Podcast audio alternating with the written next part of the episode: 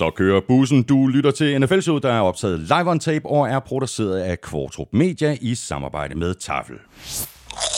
Du ved øh, nøjagtigt, hvor du finder os, alle de sædvanlige steder, og så selvfølgelig på gultud.dk og på nflsud.dk, hvor du ovenikøbet har chancen for at støtte os med et valgfrit beløb ved at trykke på linket til tier.dk. Det er der lige nu øh, 625, der har valgt at gøre. Kæmpe stor tak til hver og en af jer. I har øh, alle chancen for at vinde en kasse med taffelchips, øh, hvor den ene pose jo er vores egne chili cheese og barbecue chips, som du altså kun kan få fingrene i ved at støtte os på tier. Tak for alle anmeldelserne i iTunes, og tak fordi du downloader og lytter og bruger lidt af din tid sammen med os. Jeg hedder Thomas Kvartrup, og her kommer min medvært.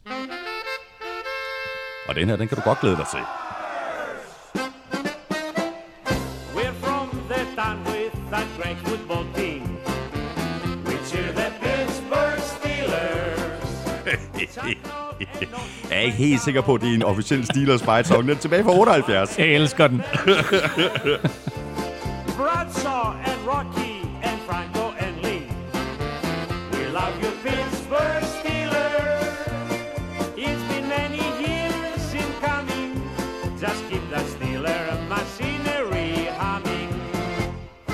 Det lyder lidt som sådan et eller andet... Øh, fra, Østrisk slager. Ja, eller jeg tænkte faktisk på sådan en bierstubefest i Jamen- München eller Jamen, sådan det er noget. præcis det. Og, der er jo også, og, og det er jo sjovt, for der er jo en, en stor population i Pittsburgh øh, fra det område, sådan fra det, man kalder øh, Ba- Bavaria, ikke? altså Bayern. Ja, ja. Jamen, så øh, det, så er giver det god, derfor. det giver god mening, ja. Ja, det er fremragende. Grunden til, at jeg spiller Steelers øh, fight song, eller øh, fight song måske not so much, øh, det er jo fordi, at Steelers er det eneste hold, der er tilbage, som har vundet alle deres kampe. Det er vildt nok. De er det eneste ubesejrede hold, der er tilbage i NFL. De tog sig selv af det ene, og så tog Cardinals af sig. Så er det andet, og øh, nu er Steelers 6-0 for første gang, apropos, siden 1978, Ah, der er hvor tænkt. den der sang er fra. Det er fantastisk. Der er Og- tænkt over tingene. Og som jeg skriver med momentometer den her uge, hvor de vandt Super Bowl over Dallas Cowboys, det kommer ikke til at ske igen. altså, det der med Dallas Cowboys. Nej, det gør det ikke. Det gør det godt nok ikke. Nej, det er, det er, de er skidt kørende. Jets er skidt kørende. Det er der, øh, det er der flere hold, øh, der er. Vi er ikke øh, skidt kørende, Claus Elming. Vi har en sæk med øh, taffelchips. Og jeg kan lige så godt sige det med det samme. Øh, den der ene pose, vi har af vores egne chips, mm. den skal du lige lægge pænt til side, fordi vi har kun den ene. Nå, okay. Ja. Jamen, den ligger jo allerøverst her, kan jeg Ja, se. ja præcis. Øh, Dejlig, der er- der er- dejlig, dejlig, dejlig i guld. Den er, det er en smuk pose, faktisk. Ja, Chili, cheese and barbecue. Den, okay, men den ligger jeg så til side, så spiser vi ikke den i dag. ikke i dag. Nej, godt så. Så har vi en øh, NFL-showet klassiker, apropos chili banase. Kæft, jeg troede, det var ens nå. Så er der sour, sour cream and onion. Så har vi en øh, spare ribs. Og en chipotle cheddar. Ja. Det er jo næsten, det er jo næsten ligesom vores egen. Det er jo også en chili øh, cheese-aktigt et eller andet. Det, og de er næsten lige så gode. Der mangler bare lige barbecue. Jeg synes, vi spiser dem her. Gør vi ikke det?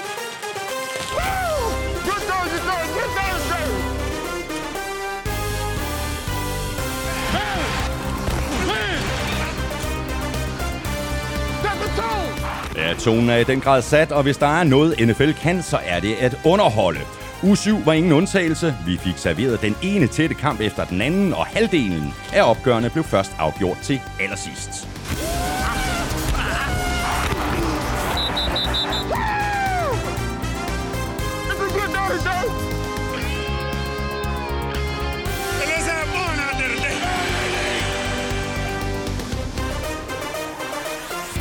Vi nærmer os nu med raske skridt halvvejs mærket for sæsonen. Steelers er altså det eneste ubesejrede hold tilbage, mens Jets er det eneste mandskab, der endnu ikke har vundet en kamp.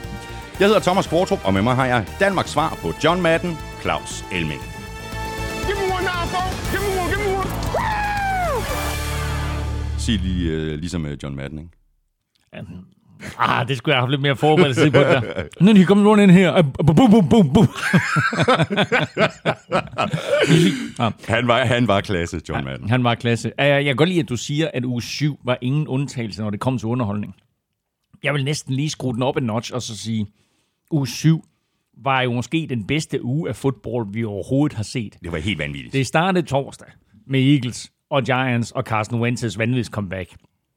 Og så søndag får vi jo simpelthen en fuldstændig forrygende afgørelse på de tidlige kampe med tre opgør, der alle sammen afgøres inden for de samme to-tre minutter. Hmm. Altså sådan der omkring klokken 5 minutter i 22-agtigt et eller andet, ikke? Der sidder man og følger med i tre forskellige kampe, fordi det er fuldstændig vanvittigt. Lions vinder på et sindssygt comeback. Browns og Bengals udkæmper et episk slag, og Titans og Steelers kæmper om at forblive som det, det eneste ubesejrede mandskab, og det hele bliver afgjort der ja. på hver sin fuldstændig vanvittige måde. Præcis. Det er det, NFL kan. Exactly, og det skete i The Witching Hour. Ej, det gider jeg ikke. Det, det, det synes jeg er så latterligt. Det er så men, det er jo hans, øh, det er jo hans trademark, ikke? Altså dem, Han har- der, han har dem, der sidder og ser Red. Zone. Dem, Ja. der sidder og ser Red Zone. De ved, øh, hvad du snakker om. Ja, lige dem, dem, der ikke gør, de tænker, what the hell? What the fuck is going on? Nå, øh, Elming, vi kan de lige så der typer der, de, de. Ja, men jeg, ved du, jeg, øh, men jeg, øh, jeg, jeg napper dem lige, når jeg har, jeg har, Jamen, har klokken stillet mit, øh, mit første... Ja, ja, men klokken er lidt over 10, ikke? Langt over 10. Uh, vi kan lige så godt få de her skader af- vejen med det samme, Elming. Odell Beckham Jr ude for sæsonen. Landon Collins ude for sæsonen. To kæmpe tab for henholdsvis Browns og Washington. Jeg går ondt på, øh, på Browns især, øh, selvom øh, Odell Beckham Jr. måske ikke sådan har været den der superstjerne på noget tidspunkt i sin tid hos, hos Browns, så er Browns bare på vej i den rigtige retning, og, og med det, der er, er Odell Beckham Jr. også på vej til at finde tilbage, tilbage til sit gamle jeg. Men øh, på mere eller mindre kampens første play, der kaster Baker Mayfield en interception. Be- øh, Odell Beckham Jr. forsøger at lave taklingen bliver skadet, bliver båret fra banen, og scanningen mandag viste så, at det er en korsbåndsskade, så han er færdig for sæsonen. Det betød så, at vi rent faktisk i den kamp øh, fik debut til en rookie, der hedder Donovan Peoples-Jones, mm. som ender med at gribe det afgørende touchdown, og han kan godt blive rigtig, rigtig interessant at følge i, i resten af NFL-sæsonen. Mm.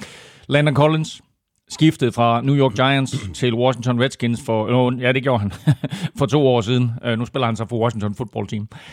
Um, og han bliver også skadet her uh, foran Achilles-skade.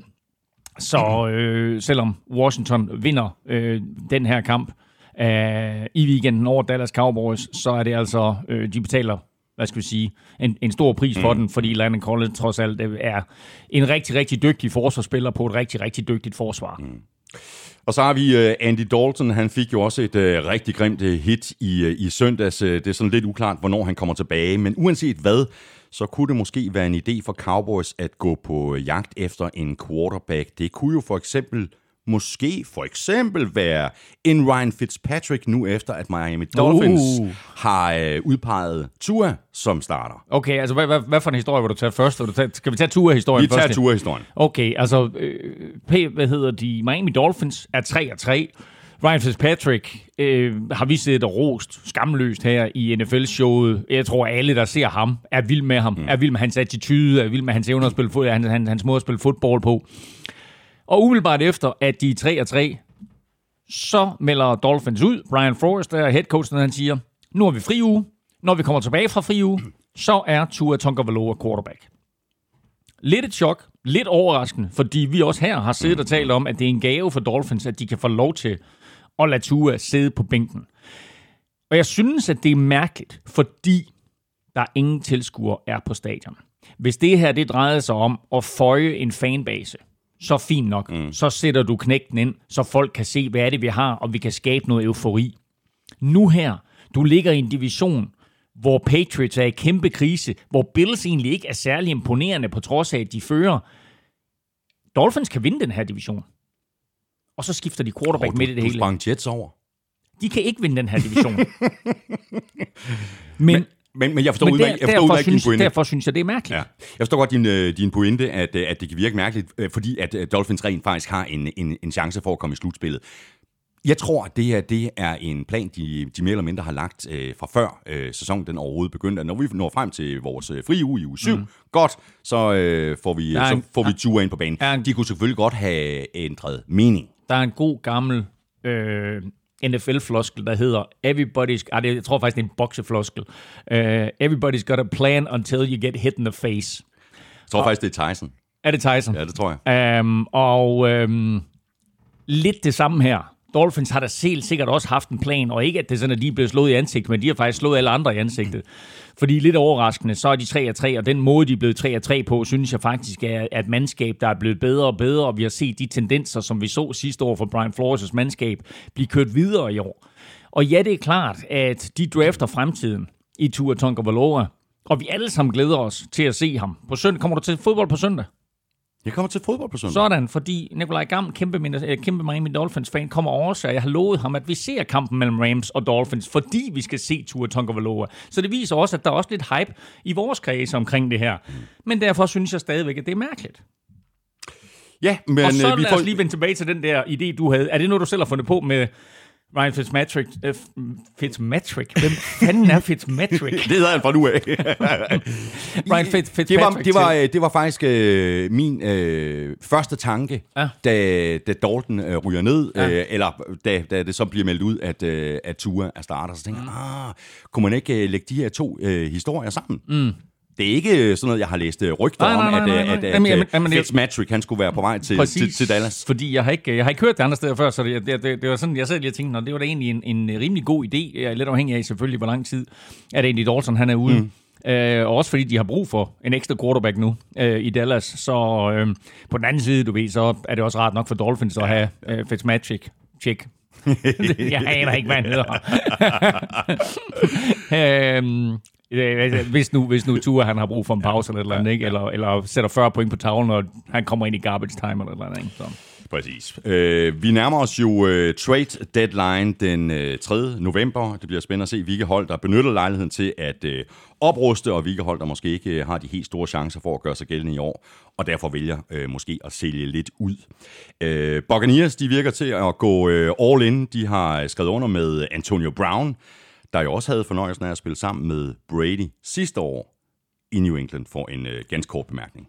en enkelt kamp. Og når, når, jo mere man tænker over det, jo mere genialt var det jo af Patriots at hive Antonio Brown ind. Fordi de havde jo brug for en, der virkelig kunne skabe uro, ballade og overskrifter i aviserne, så alt fokus kunne blive taget fra Robert Kraft og hans sexsag i Miami. Og det lykkedes! Det lykkedes, fordi hvad har vi hørt om den? Ikke meget andet end, at ah, men nu kan politiet vist ikke rigtig finde ud af at lægge en sag an alligevel, så nu, nu bliver den stille og roligt fra ind under gulvtæppet. Og i stedet for, så er Antonio Brown her. Han har fucket Steelers fuldstændig, han har fucket Raiders fuldstændig. Han blev fucket af øh, Patriots, fordi han ikke, øh, ja, fordi han havde noget, noget ballade på sidelinjen, øh, og ikke en amerikansk fodboldsidelinje, men den helt uden for banen. Øh, og nu er han så kommet til Buccaneers, og det er han på en meget, meget billig kontrakt. Seahawks var i spil, Packers var i spil, Buccaneers var i spil. Brady har jo hele tiden sagt, jeg vil gerne have Antonio Brown. Bruce Arians har hele tiden sagt, det kommer ikke til at ske, mens jeg er head coach for det her hold. Men de gjorde det så alligevel. Everybody's got a plan. man har en holdning, man har en standpunkt til, man tager et nyt. Ikke? Og øh, han bliver spurgt til det her, øh, Bruce Arians, efter, efter sejren i weekenden, hvor han så siger, "Jamen, prøv at høre, vi får et, øh, et nyt våben ind, vi får et ekstra våben ind, man kan aldrig have for mange våben. Og det er han sådan set fuldstændig ret i. De er rigtig, rigtig godt mandskab. De er rigtig gode på angrebet. De er rigtig, rigtig godt kørende på forsvaret. Uh, men jeg kan allerede spore lidt frustrationer hos nogle af dem, der var vant til at være stjerner i Buccaneers. Og når jeg siger nogen, så mener jeg Mike Evans. Mm. Hvis du ser på den måde, han slår ud med armene på, hvis du ser på den måde, han er frustreret over, at han griber to bolde i weekenden, ikke? og det går meget, meget stærkt i NFL, fordi som jeg også quizzer dig i for et par uger siden, så var han en af tre spillere, der havde grebet et touchdown i alle de første fem spilleuger. Men nu er han begyndt at blive frustreret, og nu går det ikke lige hans vej, og nu kommer Antonio Brown og så videre. Øh, der skal nok komme nogle interne skamysler. Mm. Øh, og også fordi, nu har Mike Evans sådan set øh, opført sig sådan rimelig eksemplarisk, mens han har været i NFL, men han havde sådan et par tilfælde, øh, af at være lidt en bad boy øh, i sit sidste år i college, og også mellem den periode, hvor han gik i college, og han kom ind i NFL. Jeg håber ikke, det er sådan noget, det udmyndter sig i, men man skal bare sørge for at holde den der kemi og den harmoni, som der virker til at være lige nu øh, i Tampa Bay. Øh, og det er ikke sikkert, at Antonio Brown han er den rigtige person til at få i et omklædningsrum, hvis det er det, man ønsker. Nej, ikke helt. Det er lidt et, øh, det er lidt et sats, fordi det her det kan blive både en, en dreng og en pige. Ikke? Men der er en lille ting, som man lige skal holde sig for øje, og det er, Seahawks og Packers, sagde jeg lige, var i spil. Hvad gør Buccaneers ved at tage Antonio Brown ind? De sørger for, at Aaron Rodgers, han i hvert fald ikke får Antonio Brown, og øh, Russell Wilson har måske ikke helt så meget behov for Antonio Brown, som, Russell, som Aaron Rodgers har, men Buccaneers sørger med det her for, at de to klubber, der reelt set lige nu virker som de to andre, de skal kæmpe om øh, NFC-titlen med, de får ikke Antonio Brown. Så har vi øh, et øh, trade øh, mellem Vikings og Ravens. Øh, outside linebacker Yannick Nagagwe fik et øh, meget kort ophold i, i Vikings, efter at han jo blev traded fra Jaguars tidligere på året. Øh, og Vikings får stort set det samme af Ravens, som de selv gav til Jaguars. Ja, både og, fordi altså Vikings gav et anden runde pick øhm, til Jaguars, øh, plus et femte runde pick. De får et tredje runde pick og et femte runde pick. De to femte runde pick, de går ud med hinanden. Mm. Men læg mærke til, hvor Vikings de kommer til at ende i år. De kommer til at ende i bund 5-8 stykker. Det vil sige, det der det er et pick omkring de 40, altså i starten af anden runde. Det tredje runde pick, de får Ravens, hvor ender Ravens inde i, i top 5-6 stykker, ikke? Mm. Det vil sige, der er vi altså nede i bunden af tredje runde, så er vi nede omkring pick 90. Uh, så der er faktisk en enorm stor forskel på de to picks, så det har været meget, meget dyrt for Vikings uh, at hive Ngakwe ind. De har jo hele sæsonen haft Daniel Hunter på skadeslisten, og nu er han meldt færdig for sæsonen. Han skal opereres i nakken, og dermed så får de ikke mulighed for at sætte den her super pass rush duo sammen, der skulle hedde Daniel Hunter og Yannick Ngakwe. Ngakwe har heller ikke sådan helt slået til på det niveau, som Vikings havde håbet på. Måske netop fordi Daniel Hunter ikke har været der til at tage, hvad skal vi sige, noget opmærksomhed. Og derfor så sagde de fint nok, nu sender vi ham videre. Vi presser nok under lønloftet i forvejen. Øh, så får vi et draft pick tilbage. Ikke helt samme kvalitet som det, vi har givet. Men vi siger fint nok, vi kaster den her 2020-sæson i skraldespanden, og så kigger vi fremad mod den næste draft, hvor vi så igen har et, et hav af, af, af picks. De giver, øh, som sagt, et, et lidt, lidt højere pick, end de får tilbage. De giver også nogle penge. Sådan så Ravens også øh, får mulighed for at få Yannick Ngakwe ind til en rigtig, rigtig billig penge. Jeg tror kun, de kommer til at give ham øh, 7 millioner dollars øh, resten af året, hvilket er en slik for en spiller af hans kvalitet. Øh, så rigtig fedt for dem selvfølgelig. I, øh, ikke mindst øh, fordi de nu her i den kommende weekend skal spille mod Steelers, Exactly. så får altså lige en vigtig brik ind, øh, lige inden det der opgør der imod Big Ben og Company. Ja, og så sammen med Calais Campbell, ikke? det kan godt gå hen og blive giftigt. Jo, jo. Altså, og de kan jo stille sådan, de kan jo rykke lidt rundt på den der linje der, og så videre. Med Matt, Matt Judon også, ikke? Fordi det er primært Matt Judon og Ngakwe, der formo- formodentlig kommer til at stille op på hver sin side, ikke? Og så har du Calais Campbell i midten øh, med flere, så de kan jo stille en, ja. en, en rigtig vild linje der, især i pass situationer. Spørgsmål her fra øh, Kasper Henriques. Øh, Noget kunne tyde på, at vikingerne har opgivet sæsonen med det her trades, eller hvad? Kunne det være, fordi de øh, erkender, at der ikke er mere brændstof i vikingeskibets tank, og at den oktan, de leder efter, hedder et eller andet med Trevor. altså Trevor Lawrence. Tank, tank for Trevor. yeah. øh, jeg tror ikke, at de tør håbe på at få Trevor Lawrence. Det er ikke umuligt på nogen måde. Det kræver selvfølgelig, at, øh, at Jets de vinder et par kampe, og der er nogle andre hold, der vinder et par kampe, og Vikings taber resten. Øhm, jeg tror ikke, det bliver muligt. Men altså, Vikings kan jo godt komme til at drafte i top 5, og så er der jo altså øh, to andre quarterbacks i hvert fald, som er ganske, ganske interessante på den lange bane, og, og har de noget af det talent, som vi har set, for eksempel en Joe Burrow og en Justin Herbert øh, komme ind med nu her i år, ikke? Jamen altså, så, øh, så taler vi pludselig, at så har de fremtiden på plads. Um, jeg tror også, at, at Vikings øh, har smidt, har smidt 20-sæsonen, 2020-sæsonen i skraldespanden, men jeg tror ikke, at de, at de kun ender med at vinde en kamp. Det vilde det hele, det er, Vikings skulle jo have slået Titans, og de burde også have slået Seahawks. Ikke? Og så har de ikke stået nu at være 1 og 5, så har det været 3 og 3, og så har det set helt anderledes ud. Christian Norbæk øh, skriver sådan her, kunne man forestille sig, at hold med problemer på den offensive linje ville give for eksempel et femte rundevalg for Hjalte. Øh, et hold som Vikings har elendige guards mm. og kunne måske have interesse. De har også mange picks at give af. Alle hold er jo på udkig efter at spare penge i forhold til næste års cap, og det kunne måske også hjælpe Hjalte. Det kan det helt sikkert, men det er da også noget, som Patriots de kigger på. At øh, nu her, der har de så endelig fået ham på banen, og han var også på banen igen i weekenden. Og det er klart, at han har været et projekt for dem, og et projekt, de fortsat arbejder på, og så længe at de har ham på, deres rookie, på, på hans rookie-kontrakt, hvilket jo har to, to år øh, endnu, så øh, tror jeg ikke, at de skiller sig af med ham, medmindre han er virkelig, virkelig ringe. Øh, og gør de, så er det klart, at altså, så kan de måske få et femte runde pick eller et sjette runde pick for ham. Øh, det det øh, vil være en fin handel for faktisk for begge parter. Mm. Øh, nu nævner du selv, at øh, Hjalte var på banen. Han kom ind på de 16 øh, sidste plays i kampen mellem Patriots og, og 49ers. Hvad skal vi lægge i det, Elming, at øh, han kun var inde på de sidste 16 spil? Fordi han gjorde det jo sådan set rigtig godt, da han fik øh, chancen, som vi også talte om i sidste mm. uge. Altså, da han kom ind i forhjulskamp. Han var rigtig, rigtig god i forhjulskamp. Han havde det lidt sværere øh, i den her uge. Han er rigtig god på et par screens. Han er med ude på en screen i højre side, og han er med ude på en screen i venstre side, og der gør han det rigtig godt øh, i begge tilfælde. Han gør det også øh, fornuftigt i øh, run block. Han øh, er forholdsvis solid i pass protection, men han bliver løbet fuldstændig over ende to gange, og det må bare ikke ske. Altså kampens sidste play ender med et øh, sack på, på Jared Stidham, øh, hvor det er Hjaltes mand, der fuldstændig tryner ham. Og på et af de allerførste spil herinde, der bliver han altså også øh, sat direkte på røven af, af et, et fuldstændig i gåsøjne ordinært bullrush, hvor der bare er en, en øh, modstander, der, der hammer ind i ham, og så bare driver ham tilbage direkte ind i quarterbacken.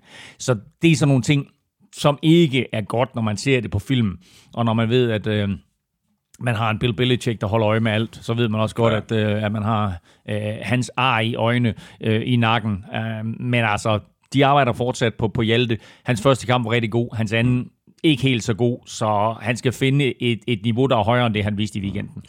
Så kan vi lige øh, nappe et øh, sidste spørgsmål, inden vi hopper i quizzerne. Det kommer fra øh, Glenn Rasmussen.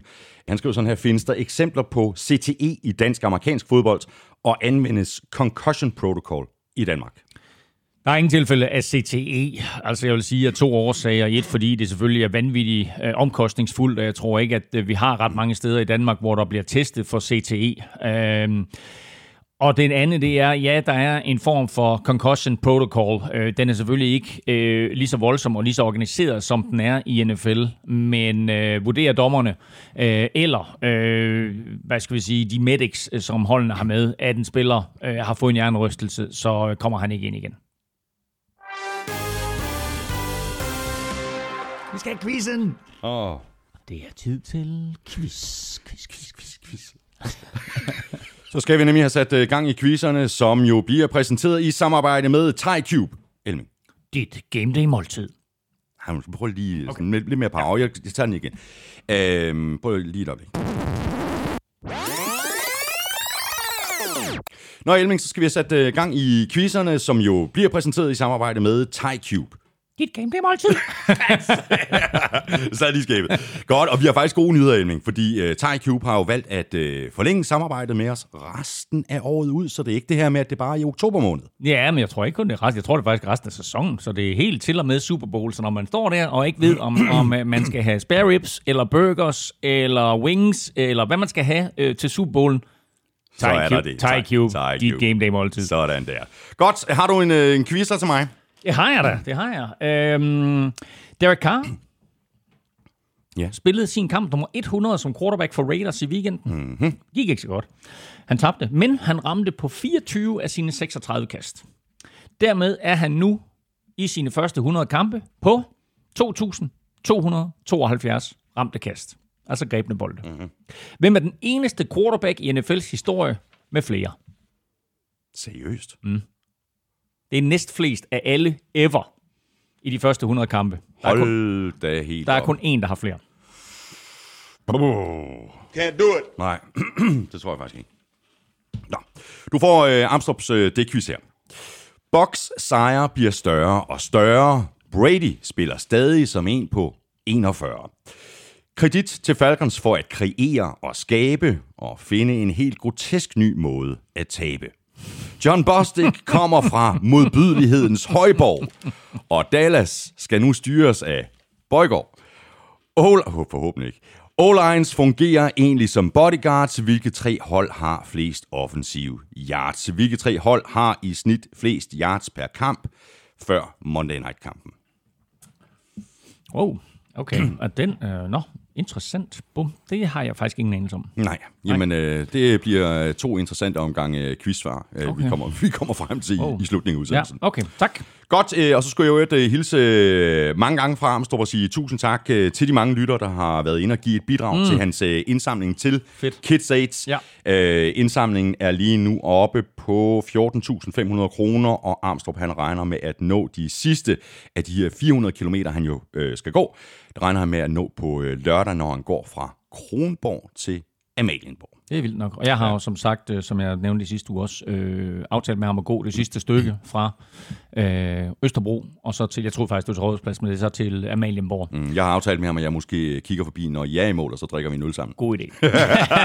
Så jeg, jeg har chips med. Tag lige nogle chipper med. ja, præcis.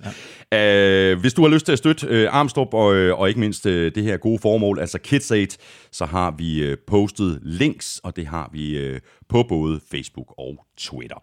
Så hopper vi i uh, kampene. Vi lægger ud med Thursday Night-kampen mellem Eagles og Giants. Et opgør i NFC East, en division, der minder om et uh, biluheld i slow motion. Begge hold de kunne inden opgøret notere en sejr, og nu kan Eagles altså notere to sejre indtil videre i år, en uafgjort. efter de øh, vandt med øh, 22-21. Ja.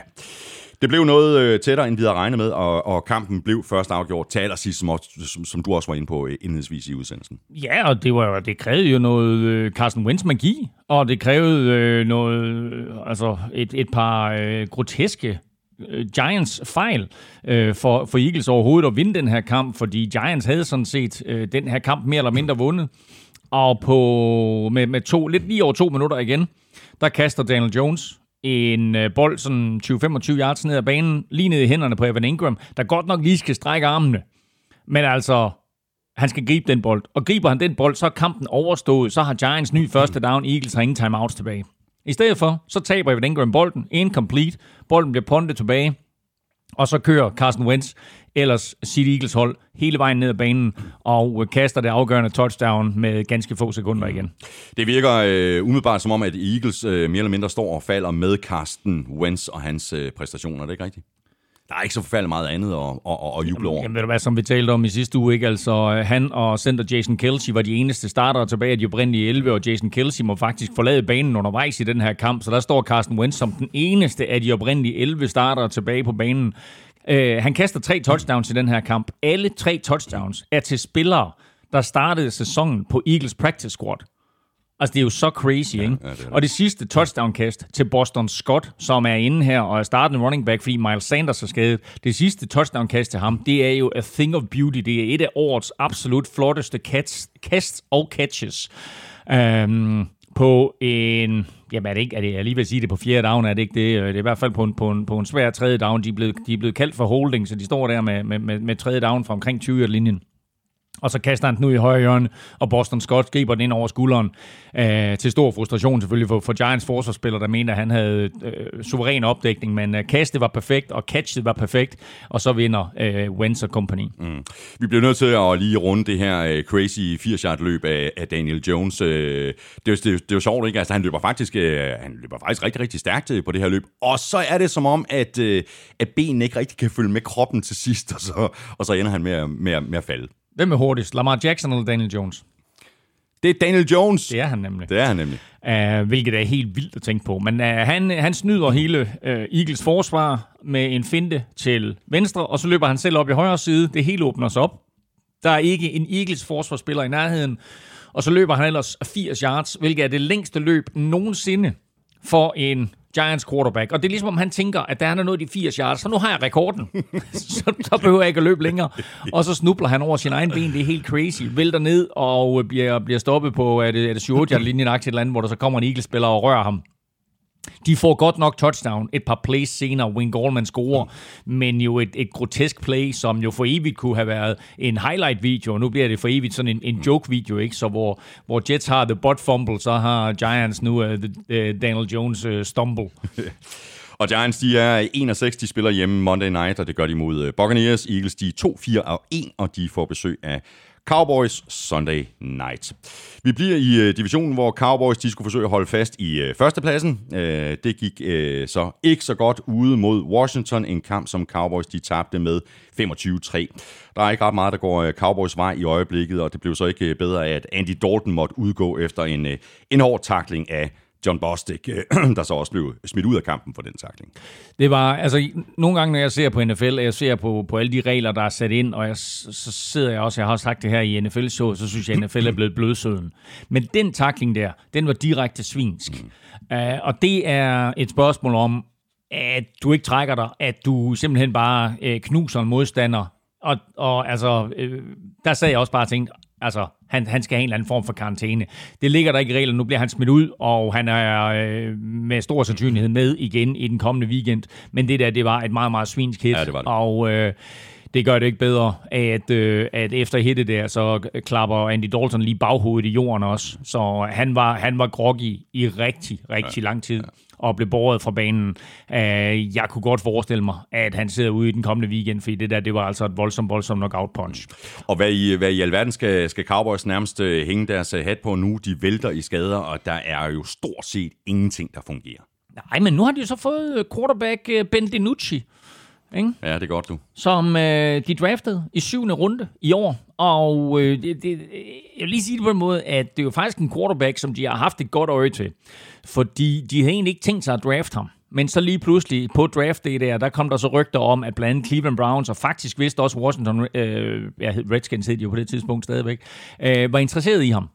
Og så sagde de, fint nok, så i stedet for at vente til draften er forbi, og så signe ham, øh, ligesom vi jo så med, med, med både øh, Andreas Knappe øh, og med Steven Nielsen, øh, at de bliver signet umiddelbart efter draften er forbi, så tog de altså ikke nogen chancer, men draftede Ben DiNucci. Så det er en spiller, de egentlig gerne vil have ind, og han lægger også ud med på sit første kast, øh, og lige smider den 32 yards til Amari Cooper. Så der er en lille bitte smule positivitet der øh, at komme efter. Men han kommer ind bag en offensiv linje. Der mangler fire ud af fem starter. Han kommer ind øh, i et angreb, som er gået fuldstændig i stå, efter at Dak Prescott han udgik.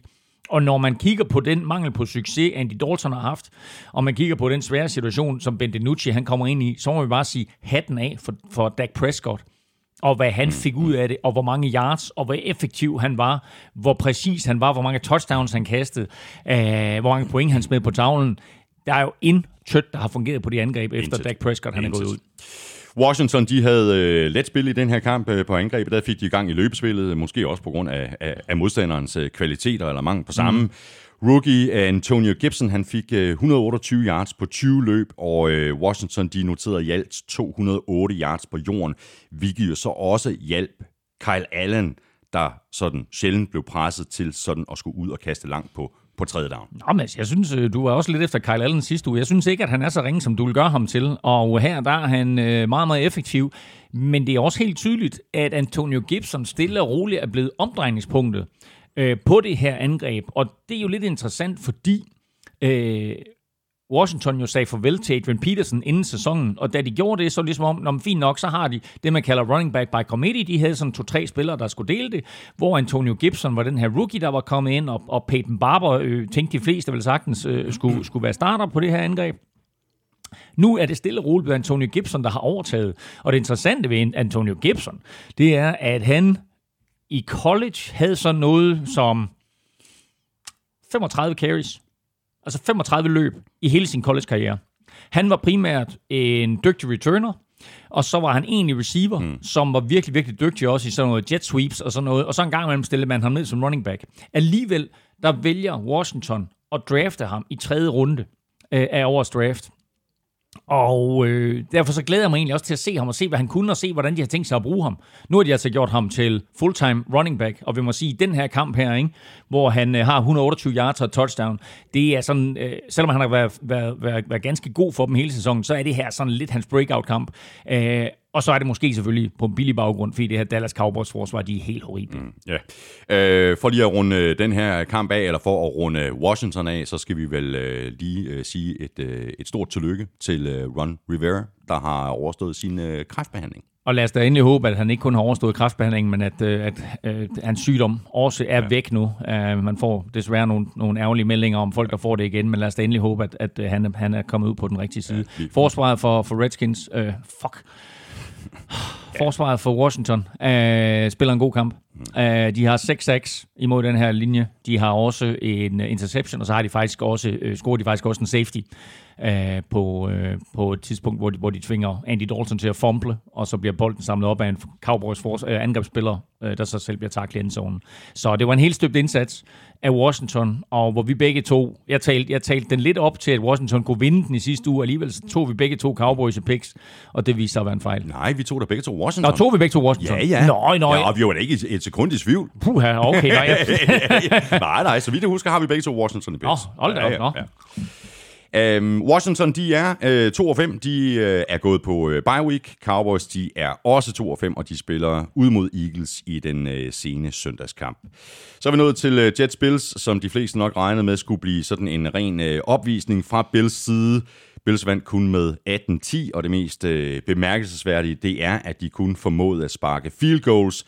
Ingen touchdowns til Bills, men øh, seks field goals af Tyler Bass på otte forsøg. Det mest overraskende her er naturligvis, at de ikke formår at score et touchdown. Men ser du på de sidste to, tre spilleuger, fire spilleuger måske endda for Bills, øh, faktisk måske helt endda øh, tilbage til spil 1, hvor de jo også møder Jets. I den første kamp mod Jets, der er de overlegne langt foran, og så kommer Jets faktisk tilbage, øh, og den bliver ret tæt, og så ender øh, Bills med at trække fra alligevel og vinde kampen. Men Bills har ikke været særlig effektive i red zone. Og i den her kamp, der har de 10 angrebsserier Bills, og de kommer inden for Jets 35 linje på alle 10 angrebsserier. De mister bolden på en fumble, der er en interception, mener jeg, og så sparker de 8, eller har 8 field goal forsøg, hvoraf de rammer på de 6, og det er altså nok til at vinde kampen. Øh, Jets var ellers foran 10-0 i den her kamp, mm. men uh, så scorer Tyler Bass altså de sidste 18 point i opgør, og så vinder Bills. Ja, og hvad i alverden gik der galt for, for, for Jets, fordi øh, de, de lavede sådan set øh, rimelig godt øh, pres på i, i første halvleg. Øh, gik de over til øh, at lade Adam Gase kalde spillene i, i anden halvleg? Han har jo overgivet øh, Ja. øh, sp- spilkalds øh, duty til sin offensive koordinator, og altså, de fik jo intet ud af det i anden halvleg. Ved du, hvad- ved, du, ved du, hvad de fik ud af det i anden Ja, halvleg? fire yards. Nu skal du høre. Punt, punt, punt. Punt, punt, punt, punt. Interception. Og som du siger, 4 yards. De havde en angrebsserie på 12 yards, så havde de en angrebsserie på 3 yards, og så havde de to angrebsserier på minus 6 og minus 5 yards. Samlet set 4 offensive yards i anden halvleg. Jeg kan ikke mindes og have hørt noget crazy. nogensinde. Altså, det, jeg, synes, det, jeg synes, det er fuldstændig vildt kun at have fire yards. Især fordi, så, så godt et forsvar har Bills slet ikke. Nu spurgte du om, hvorfor øh, at de pludselig går sådan ned i anden halvleg. Vi ser jo tit det her med, at hold, der kommer ind til en kamp, er forberedt og har de første 20-25 spil scriptet.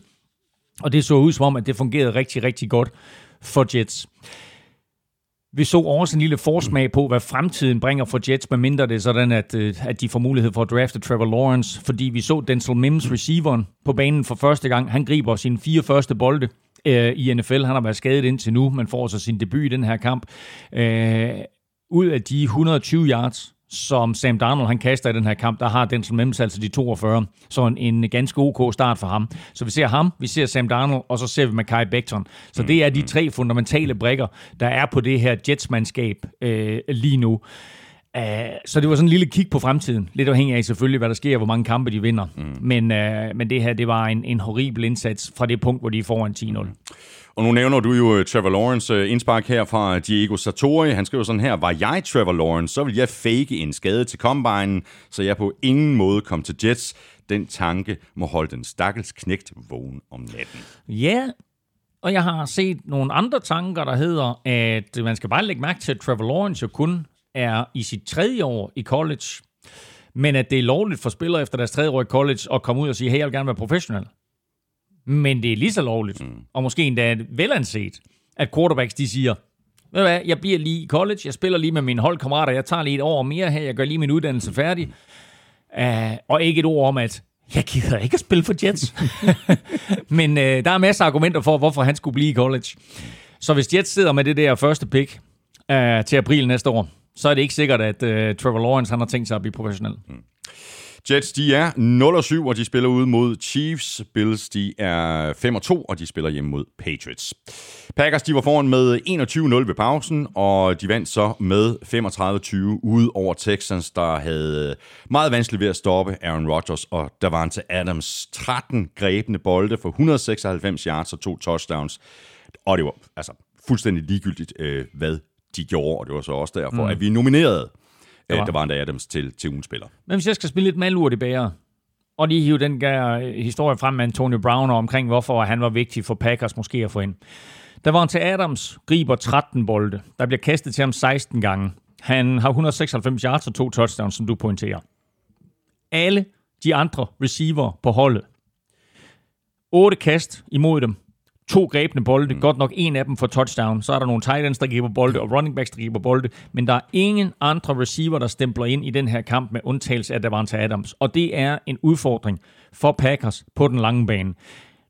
Når Aaron Rodgers og Davante Adams spiller, som de gør der, så er de givetvis nærmest umulige at stoppe. Men altså, det kan lade sig gøre. Og så er der altså andre receiver, mm. der skal gøre det bedre, give øh, Aaron Rodgers nogle pålidelige øh, hænder, løbe nogle gode ruter, etc.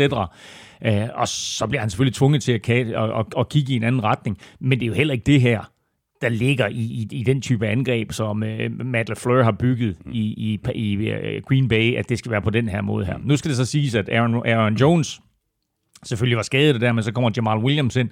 Han gør det jo faktisk rigtig fornuftigt, både i løbeangrebet og som uh, sådan en outlet receiver i screen game for, for, for Packers. Men generelt, der har de, som vi har talt om, så længe udfordringer på receiverpladsen. Ja. Udover det var Adams, der har de ingenting.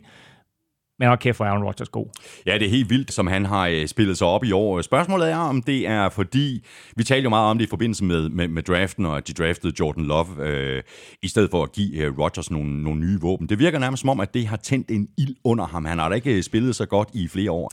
Nej, men han er også altså, han er, han er forholdsvis skadesfri, og han er i sit andet år i det her LaFleur-system, og det virker jo meget som om, at, at et så... Øh, så er han i LaFleurs system, men to, så winger han den stadig, altså improviserer stadigvæk meget, og, og, og det, det er meget på hans præmisser. Mm. Og altså, hvad, hvad, hvad kan jeg sige, enten at han er en fornøjelse at se på, uanset om man er Packers-fan eller ej. Når vi taler om, hvem der eventuelt øh, ligger til at blive MVP i år i NFL, så har vi jo talt om Russell Wilson. Øh, vi kan ikke komme udenom en Kyler Murray, øh, fordi han bare er ret interessant. Patrick Mahomes og Lamar Jackson er deroppe. Øhm, men Aaron Rodgers mm. er helt med i den der samtale der, og så lige i parentes, øh, Tom Brady kan man heller ikke helt komme ud Nej, det kan man ikke. Der er, det virker til, at der er et eller andet galt med det her Texans hold, og hvordan det kommer ud til kampene. De har ikke sat point på tavlen i første kvartal i fire kampe i træk. Wow, det vidste jeg ikke engang. Det er, det, det er vildt, og der er enormt store frustrationer, og det er ikke kun på den angrebsmæssige side af bolden, det er også på den defensive side. Så du det interview, J.J. Watt han gav bagefter? Nej, det gjorde jeg faktisk ikke. Det var enstavelsesord hele vejen igennem. Okay og øh, journalisterne de prøvede på sådan at, at stille øh, lange, åbne spørgsmål, mm. og J.J. Watt, han, der, der, det her det er, jo, det er jo en online preskonference, så han sidder bare foran kamera og svarer øh, de her journalister, og det var bare sådan noget ja, nej, og så er der en journalist, der spørger, hvad synes du om Aaron Rodgers? He played well. Mm. Og så siger journalisten, what made him play well? He threw the ball, the receivers caught it. Yeah. Altså, og han var iskold. Så der, der er enormt store frustrationer i, i øh, Houston lige nu. Og apropos det her med, at trade deadline nærmer sig, så er der jo en lille snak om, at en fyr som J.J. Watt er, øh, er, bliver, bliver shoppet lidt mm. af Texans. Uh, og det er klart, at der, er jo, der kan de jo få masser af god draftkapital for ham. Uh, han har selvfølgelig haft nogle udfordringer med skader og så videre, men det viser bare, at ja, der er ingen heldige kør, Nej. når det kommer til NFL-business. Nej, og så måske kunne det være en idé, hvis de uh, ender med at, at, at sende J.J. Watt afsted i trade, og så se, om de ikke kan få en running back eller to den modsatte vej og nogle picks, fordi uh, de skal i gang i deres løbespil, også for sådan ligesom at lette, uh, let presset på Deshaun Watson.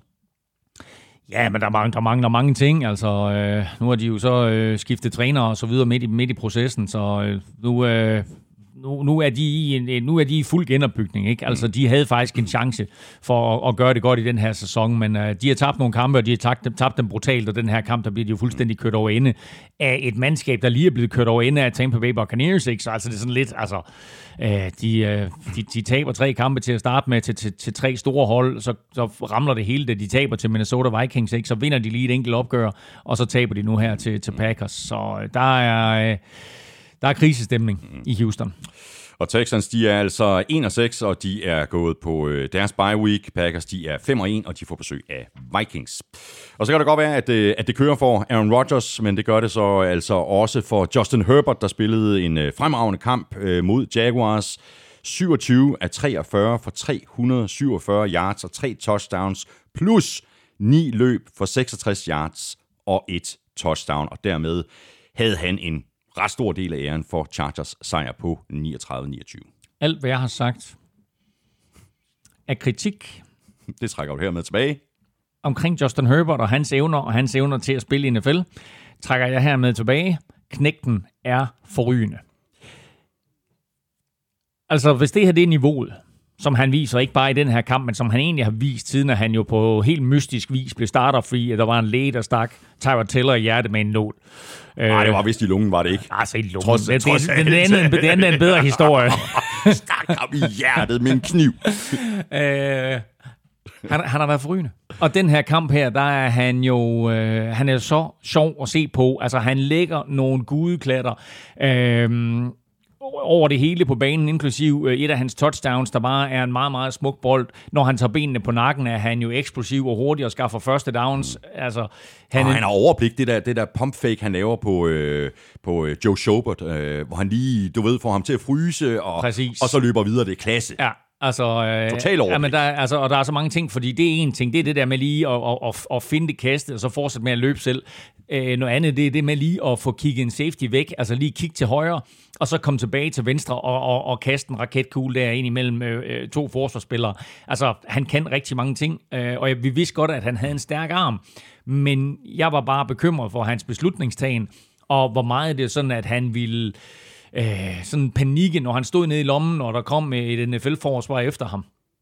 Ingen af de dele gør han. Han er simpelthen bare... Øh, han- er rigtig, rigtig sjov at se på, og han er en meget, meget stor tilføjelse til Chargers-mandskab, der har haft Philip Rivers i så mange år, mm. øh, og havde brug for noget nyt blod, og øh, nu er det selvfølgelig en, en ærgerlig sæson med, med corona og sådan noget, ikke? Men altså, Chargers er lige flyttet ind i det her øh, nye kæmpe stadion i Los Angeles, og har haft udfordringer, efter de er kommet til Los Angeles. Altså, Justin Herbert kan være manden, der virkelig sørger for, at der begynder at komme tilskuere og fans, der kommer til at se Chargers igen. Og så er det et vigtigt skridt for Chargers øh, rent faktisk at lukke en kamp. Altså, øh, det har Chargers haft problemer med øh, tidligere i år. Mm. De har haft problemer med det i flere år. Vi har talt om det masser af gange, at de sådan fandt en eller anden mærkelig måde at tabe kampen på. Jaguars, de bed jo godt fra sig. De kom jo igen, jeg mener, de scorede 21 point i træk, før Chargers så, så ender med at, øh, at lukke øh, kampen. Øh, Jaguars, de er nu 1 og 6. De har tabt 6 kampe i træk. De har tilladt mindst 30 point i alle kampene. Og det er sådan uh, lige overkanten, uh, hvis uh, Gardner Minshew og resten af angreber, de, uh, de skal have en chance for at vinde de her kampe. Ja, derfor så er der også snak om faktisk, at uh, Doug Marone er den næste head coach, der kan risikere at blive fyret. Jaguars uh, ejer, Shad Khan, har været med ud og melde ud, at, uh, at uh, Doug Marone ikke bliver fyret lige forløbig. Uh, men altså lad os nu se, fordi hvis det her det fortsætter, så er det klart, at, uh, at så må han uh, være den næste coach, der ryger. Uh, de ligger ud med at slå Colts i spil U1. Og lige siden, som du siger, så er der altså smidt 30 point på tavlen mod dem som minimum i hver evig eneste kamp. Og det gør det altså svært at vinde, så, så tvinger du Gardner Minshew company ja. til, at- til at score 30 plus i hver kamp. Og selvom øh, han er magisk, øh, Gardner Minshew, så er han altså ikke magisk nok, og har også sine udfordringer i den her kamp. Um, så, så det ender med en Chargers-sejr, det ender med Justin Herberts første sejr i NFL. Mm. Og Chargers, de er 2 og 4. De spiller ude mod Broncos. Jaguars, de er 1 og 6, og de går på øh, deres bye week. Så er vi fremme ved Patriots tredje nederlag i træk, øh, og Bill Belichick har øh, garanteret haft vanskeligt ved at trække noget som helst positivt ud af det her nederlag til 49ers på 33-6 på hjemmebane. Cam Newton, Claus Elming, Cam Newton, mm. han så ikke god ud. Cam Newton var en katastrofe, og han blev bænket.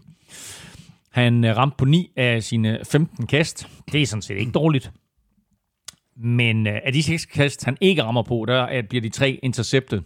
Og øh, det er jo med til, at det her det bliver en øh, fuld, fuldstændig ydmygelse på hjemmebane. Heldigvis så er der ikke ret mange tilskuere. Fordi normalt, så er Gillette Stadium jo et øh, frygtindgydende sted at spille, øh, og hvor tilskuerne på en eller anden måde altid holder Patriots inde i kampen. Her der er jeg bange for, at der var, der var tilskuerne gået ved pausen, fordi det her, det var øh, det, det største nederlag, Bill Belichick øh, har været udsat for på hjemmebane mm. i hele den tid, han har været øh, i New England. Og det var øh, anden hjemmekamp i træk i øvrigt. De tabte, hvilket også meget sjældent sker. Jeg tror ikke, det er sket siden 2004. Så øh, der er mange, mange ting i New England lige nu, som ikke er gode nok. Og øh, jeg sad og tænkte lidt på, at, at øh, der er jo noget, som vi i al den tid, vi har lavet NFL-showet, ikke har sagt den eneste gang. Og det er, New England Patriots er ikke særlig gode. Nej. Men det er faktum lige nu. Mm. Det er, at New England Patriots, der har været en magtfaktor i NFL siden 2001, de er ikke særlig gode. Nej, og det her, det er ikke den øh, bedst tænkelige øh, optakt til øh, kampen i den øh, kommende spillerunde mod Bills.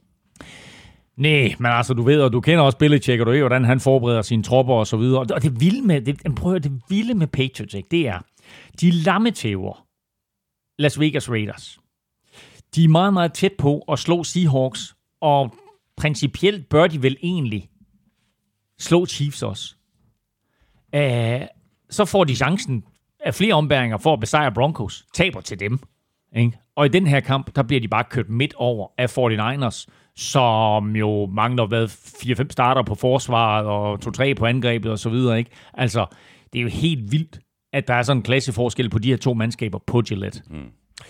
Når løbeangrebet fungerer for 49ers, så har øh, Kyle Shanahan øh, så meget lettere ved at kalde en god kamp. Det gjorde han så for anden uge i træk. Øh, Raheem Mostert er jo på injured reserve, så fik Jeff Wilson Jr. så chancen. Han løb for 112 yards og tre touchdowns på 17 løb på lidt over en halvleg, inden han så også blev skadet, og han mm. sidder også ude nu. Ja, det, den, den gjorde ondt, fordi han var jo i gang med at og sikre sig en øh, nominering til ugens spiller. Altså, hvornår går han ud? Midt i tredje kvartal, ja, ikke? Ja. Og allerede på det tidspunkt, der har han plus 100 yards og tre touchdowns. Heldigt for Patriots, at han udgår, fordi øh, ham kunne de der på ingen måde stoppe. Øh, og Jarek McKinnon har de sparet lidt, så, og, og så kommer næste mand, det er, en eller anden, er det en rookie, eller hvad hedder han, ham den næste, uh, de har? Jamichael Hasty. Ja, hvem er han? Jamen, han er jo undrafted øh, rookie. Minder en lille bitte smule måske om Devonta Freeman, både i statur okay. og måde ja. at løbe på. Og sådan ja. Han var også inde i øh, forrige uge mod øh, Rams, og han var så også inde og løbe her øh, mm. mod Patriots. Uh, han, kan blive, han kan blive rigtig øh, interessant at, at, at, at følge. Og det viser bare, altså, fordi Kyle Shanahan er jo øh, af sin fars skole, og Mike Shanahan der havde en øh, legendarisk offensive line coach, som mere eller mindre revolutionerede måden at blokere på, og det er jo hele den måde, det er sådan, at Kyle Shanahan, han har bygget videre på. Øh, og derfor så er det jo sådan lidt en plug and play, at du kan næsten tage en hvilken som helst running back og Præcis. sætte ind i det her Kyle Shanahan-system, og så får de succes.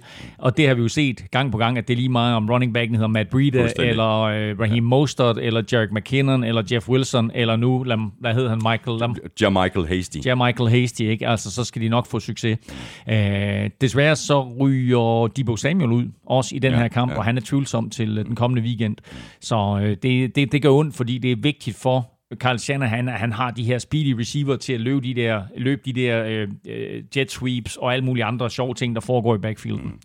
Sidste lille nugget, eller sidste lille note til den her kamp, det er selvfølgelig, at det her det var en, en rigtig øh, god sejr for Jimmy Garoppolo, der jo kom tilbage til det hold, som jo draftede ham, hilste øh, venligt på, ja. øh, på Bill Belichick, og de stod og snakkede lidt. Øh, men der var ikke nogen tvivl om, at, øh, at det var vigtigt, det her for Garoppolo. Selvfølgelig var det det, at Garoppolo er ubesejret øh, på Gillette Stadium. ja, det er lige præcis. Og 49ers, de er øh, 4-3, og de spiller ude mod Seahawks. Patriots, de er 2 og 4, og de spiller ude mod Bills. Et matchup, som vi har set øh, frem til rigtig længe. Så mangler vi bare øh, Chiefs uh, sejr på øh, 43-16 på udebane over Broncos, inden vi skal have trukket om en masse tafelchips, og øh, det var faktisk ikke øh, Chiefs angreb, der fik prikket hul på øh, den her tætte sniværskamp i andet kvartal. Det var defensiven, og øh, special teams med henholdsvis en pick 6 og et kickoff return touchdown på 102 yards. Chiefs scorede 43 point. Patrick Mahomes var på banen ved de 12. Og det er, og det er en udfordring for Chiefs, at han ikke er særlig god i øjeblikket. Fordi nok så vinder de 43-16, og så tænker man, wow, nå, det er Chiefs fra sidste år, de kører. Mm-hmm. Altså, de scorer på angrebet, og de scorer på forsvaret, de scorer på special teams. Forsvaret laver fire turnovers, spiller en af deres bedste kampe hele år. Hele året, det er også forholdsvis nem modstand. Drew Lock kan slet ikke få det til at fungere. Uh, Melvin Gordon uh, laver nogle mærkelige spil, hister her. Formler to gange. Ja, jeg så den ene der, hvor der sådan, at de prøver på at lave sådan en... fliflikker? Ja, sådan en fliflikker, Jeg tror aldrig, jeg har set en fliflikker øh, dårligere udført. Nej, præcis. Så, øh, så der var bare mange ting, og, det, og derfor så var det en, en forholdsvis billig baggrund, at Chiefs de vandt på. Det skal selvfølgelig også siges, at det var snevejr, og det var svært, men Patrick Mahomes har vist, at han er en quarterback, der er lidt ligeglad med, hvordan vejret er. Og derfor så er det også et problem for Chiefs, at vi nu er syv uger inde i sæsonen, og Patrick Mahomes stadigvæk ikke ligner Patrick Mahomes fra 2019. De har givet knægten en halv milliard dollars. Han er blevet den bedst betalte øh, sportsudøver nogensinde i amerikansk sportshistorie. Men han spiller ikke til det. Den her kamp, han har 200 yards præcis. Han rammer på 15 ud af 23. Vi skal helt frem i fjerde kvartal, før han kaster et, øh, et touchdown. Til gengæld så har han nu kastet øh, et touchdown 17 kampe i træk, hvilket er Chiefs rekord, og i øjeblikket er den længste stime i NFL. Men det er bare ikke lige så flydende, som vi så det sidste år. Det er ikke den her maskine, der bare kører ned ad banen og så videre. Der mangler et eller andet. Okay, fint nok, vi er ikke engang halvvejs i sæsonen, og der er lang tid til slutspillet begynder, og, og Mahomes skal nok være der. Jeg synes bare ikke, at vi ser det spil og, og den magi fra ham lige nu, som vi så sidste år. Mm. Det her, det var øh, Chiefs øh, 10. sejr i træk øh, over Broncos, og det var så øh, i øvrigt øh, første gang, at vi fik øh, set Le'Veon Bell i Chiefs uniform. Seks løb for 39 yards. Kunne måske godt ende med at blive sådan lidt en timeshare mellem ham og så Clyde edwards helaire der løb otte gange i den her kamp. Ja, og, altså øh, begge, begge spillere ser jo godt ud, og vi så jo klassisk Le'Veon Bell, hvor han kommer op lige bag ved linjen og lige står sådan lige og kigger lidt og mm. venter lidt, og så finder han det hul, han gerne vil op i. Øh, hans allerførste løb, tror jeg, var på 16 yards, og så sad der øh, Chiefs-fans bare klar ved hænderne og sagde, nej, se hvad han kan. uh, så uh, en, en rigtig god duo, de får her med Le'Veon Bell og Clyde edwards og så bliver det bare op til Andy Reid og company, Eric Benemy, at, at finde ud af, hvordan benytter vi, uh, vi, vi de her to her, og hvordan får vi dem til at fungere uh, sammen, fordi vi får helt sikkert de to at se på banen samtidig også. Ja. Og så bliver det rigtig interessant at se, uh, hvad der kommer af, af sjove kombinationer, løb, kaste, etc., og hvordan modstandernes forsvar tænkt sig at dække det op. Du nævnte lige uh, Drew Locke, øh, at han uh, måske ikke så vanvittigt god ud i den her kamp. Uh, han så faktisk ikke ud til at befinde sig særlig godt i det her snevær, men det kan han altså lige så godt vende sig til. Nu spiller han i Denver, ikke? Så det var han til at lære, ikke? Og altså, hvis du skal være quarterback i Denver, så skal du lære at spille i snevær. Og uh, faktisk synes jeg, det var en svær kamp at se på som tv-seer. Jeg synes, det der, det der hvide der og blande sammen med, med uniformerne, det, jeg synes, den var meget svær sådan, øh, at se på. Men til gengæld så var det sjovt at se på, på Clyde edwards fordi øh, når han havde bolden i hænderne, så skete der altså ting og sager. Og det første touchdown, han scorer, der løber han jo også lige igennem hænderne på fem Denver Broncos taklinger. Og det skal man altså også vende sig til, hvis man er Denver Broncos forsvarsspiller, at så sneer det, og så er det koldt, og så skal man takle, og så skal man ikke lade en modstander running back løbe hele vejen ind i endzone og så igennem fem taklinger. Broncos er 2 og 4, og de spiller hjemme mod Chargers. Chiefs de er 6 og 1, og de får besøg af Jets.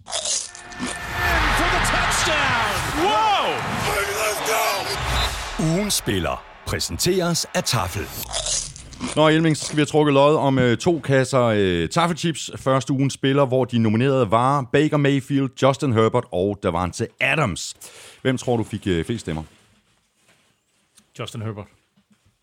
Det er, det er godt skudt. Jeg troede faktisk, at det ville blive uh, Baker Mayfield. Nej, men, uh, jeg, jeg, kender, jeg kender vores lyttere godt nok til det, så okay. at det er det lille sviner, det sender ja, til mig der. Ja, det er lige præcis. Baker han fik uh, 26 procent af stemmerne, og så blev det tæt. Det blev meget tæt. Der var altså Adams fik uh, 36 procent af stemmerne, og Justin Herbert fik 38 procent. Elming, du er lykkens ind. Og øh, jeg synes jo faktisk, at Justin Herbert er så god en historie, så jeg håber lidt, at jeg trækker en Justin Herbert her. Der står Baker Mayfield. Vi skal øh, et smut hjem til Aarhus. Hvordan man taler i Aarhus? Jeg gider ikke. Æh, øh, og det er Morten Nes, der har vundet. Stort tillykke til dig, Morten øh, Nes. Jeg sender dit øh, navn og adresse videre til Rookie Helle på tafel, og så garanterer jeg for, at hun øh, klarer resten. Hvis øh, du også vil lege med, så gør vi det igen i næste uge. Vi øh, nominerer tre spillere på Twitter og på Facebook. Og så stemmer du på din øh, favorit, og det gør du ved at sende en mail til mailsnablag.nfl.dk. Du skriver dit bud i emnelinjen, og i selve mailen, der skriver du dit navn og adresse. Så skal vi trække lod om øh, tafelkasse nummer to. En af poserne er vores egne chili cheese og barbecue chips, og dem, der har chancen for at vinde den her kasse, det er alle, der støtter os på øh, tier.dk. Elming, øh, giv den gas.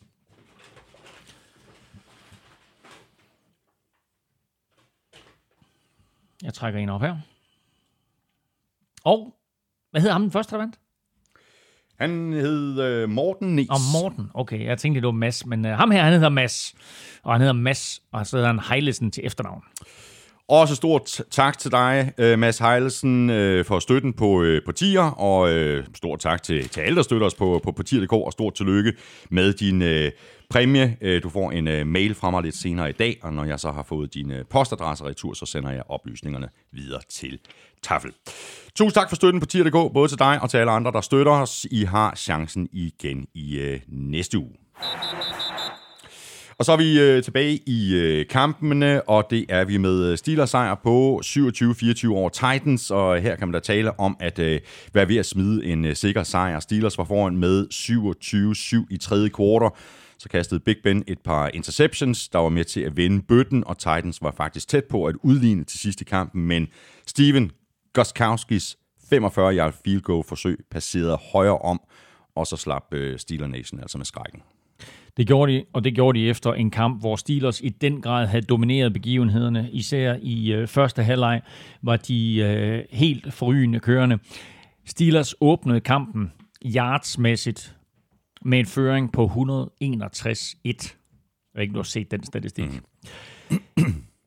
og øh, da det ligesom var overstået, og de øh, forsvarsmæssigt havde fået lukket fuldstændig ned for Derrick Henry, og også havde formået at begrænse Ryan Tannehill. Der stod det altså 24-7 ved pausen. Og de scorede også på deres første angrebsserie i anden halvleg. Steelers øh, godt nok kun i gåsøjne et field goal, men der stod det altså 27-7. Og på det tidspunkt, der var det jo helt tydeligt, at Titans, eller at Steelers faktisk havde fået præcis det, de ville, nemlig en situation, hvor Titans ikke længere kunne løbe bolden. Mm, mm. Og så kommer der... Fordi tiden også blev en faktor. fordi tiden pludselig blev en faktor. Øh, nu er de så langt bagefter, så de skulle ud og kaste bolden og så videre. Øh, så pludselig så det her... Øh, den her centrale brik, der hedder Derrick Henry, og det faktum, at jo flere gange han får bolden i løbet af en kamp, jo mere træt bliver et forsvar, og jo flere yards får han hver gang han rører den. Det blev taget fuldstændig ud af kampen. Og så kommer der et play, som ændrer resten af anden halvleg.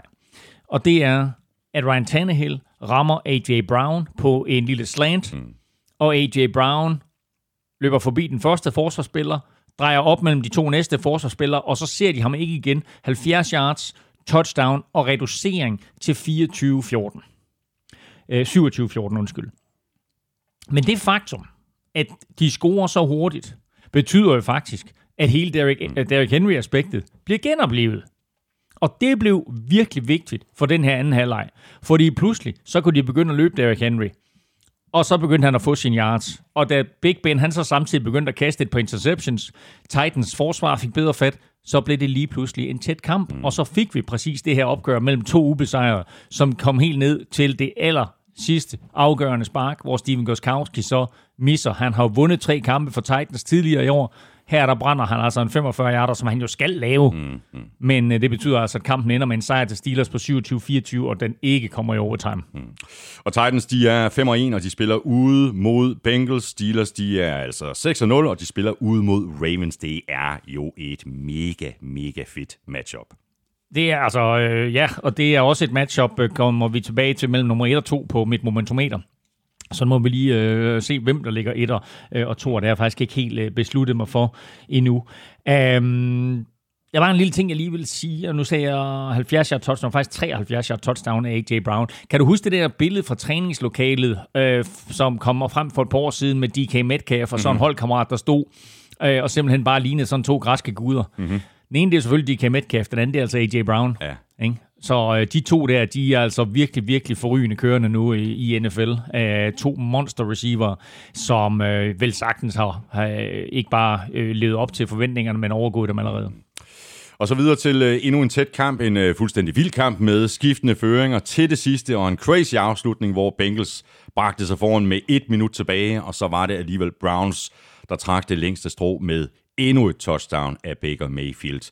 Mayfield han startede ellers øh, rigtig skidt med fire incompletions og en interception. Skal jeg også lige love for, at han spillede sig op. Han completed 22 af de næste 23 kast og kastede fem touchdowns. Resultat 37-34 til Browns ud over Bengals. Mega fed kamp. Mega fed kamp mellem øh, to mandskaber, som vi måske ikke havde forventet leveret den her type underholdning. The Battle of, of Ohio. Øh, Cleveland og Cincinnati ligger jo begge to i Ohio. Cleveland og Cincinnati var også øh, i, i sin tid øh, ejet af den legendariske Paul Brown, begge to. Øh, det skal så, der er sådan en lille sidehistorie der. Det er, det Browns mandskab, som Paul Brown han ejede, det er dem, der er Baltimore Ravens Præcis. nu. Men altså, i bund og grund, så var det altså to mandskaber der i, i Ohio. Øh, og den her kamp her var måske bare den første af et hav af super fedt. Jeg har mødt det en gang tidligere allerede i sæsonen, men, men det her var den, den, ja, det var, den var sgu egentlig også god, den første kamp mellem dem. Men Baker Mayfield, tidligere draftet som nummer et overall, mod Joe Burrow, draftet som nummer et overall i år. Altså hvis det her, det er en indikation for den type underholdning, de to drenge der, de har tænkt, at give, tænkt, os, tænkt sig at give os i, i årene fremover, så bliver det her et opgør, vi skal se hver evig eneste gang, de mødes, og så altså to gange om året. Ja. Fabelagtig kamp. Fem skiftende føringer i fjerde kvartal alene. Første gang nogensinde det er sket i NFL's historie. Øh, fem touchdown-kast fra henholdsvis øh, Baker Mayfield og, og Joe Burrow, som hver gang de kastede touchdown, jamen altså så skiftede føringen.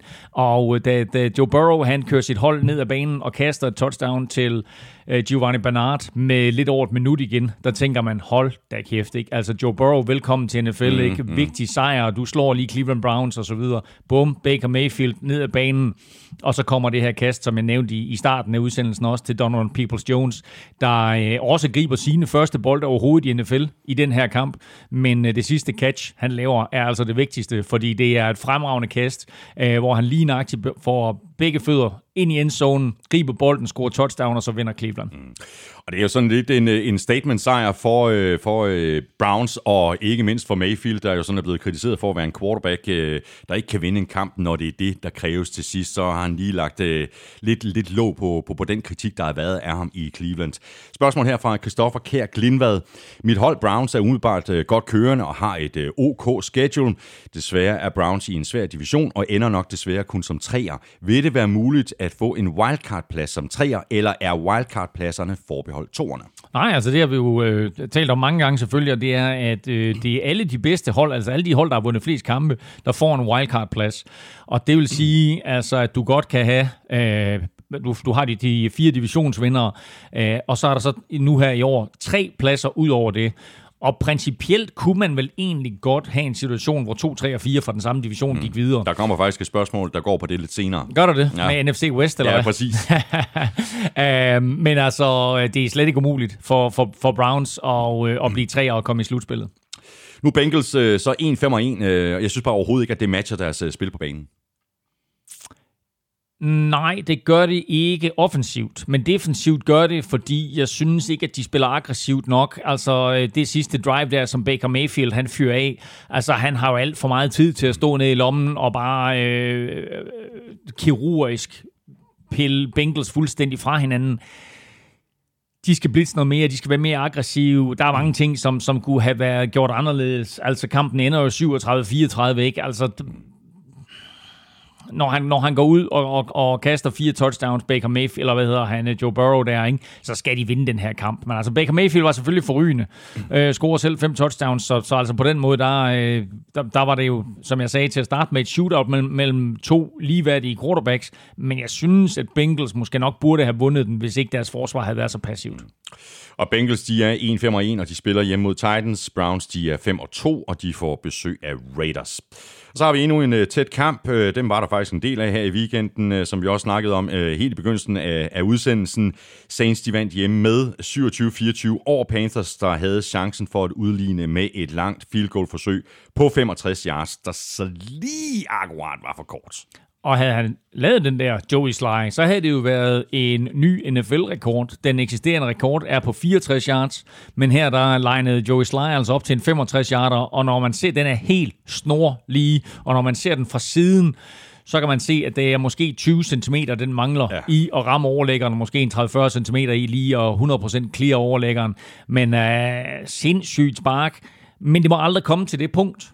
Fordi det, der sker, det er, at Teddy Bridgewater, quarterback for Carolina Panthers, som jo sidste år spillede for New Orleans Saints og vandt fem kampe for New Orleans Saints, mens Drew Brees han var skadet.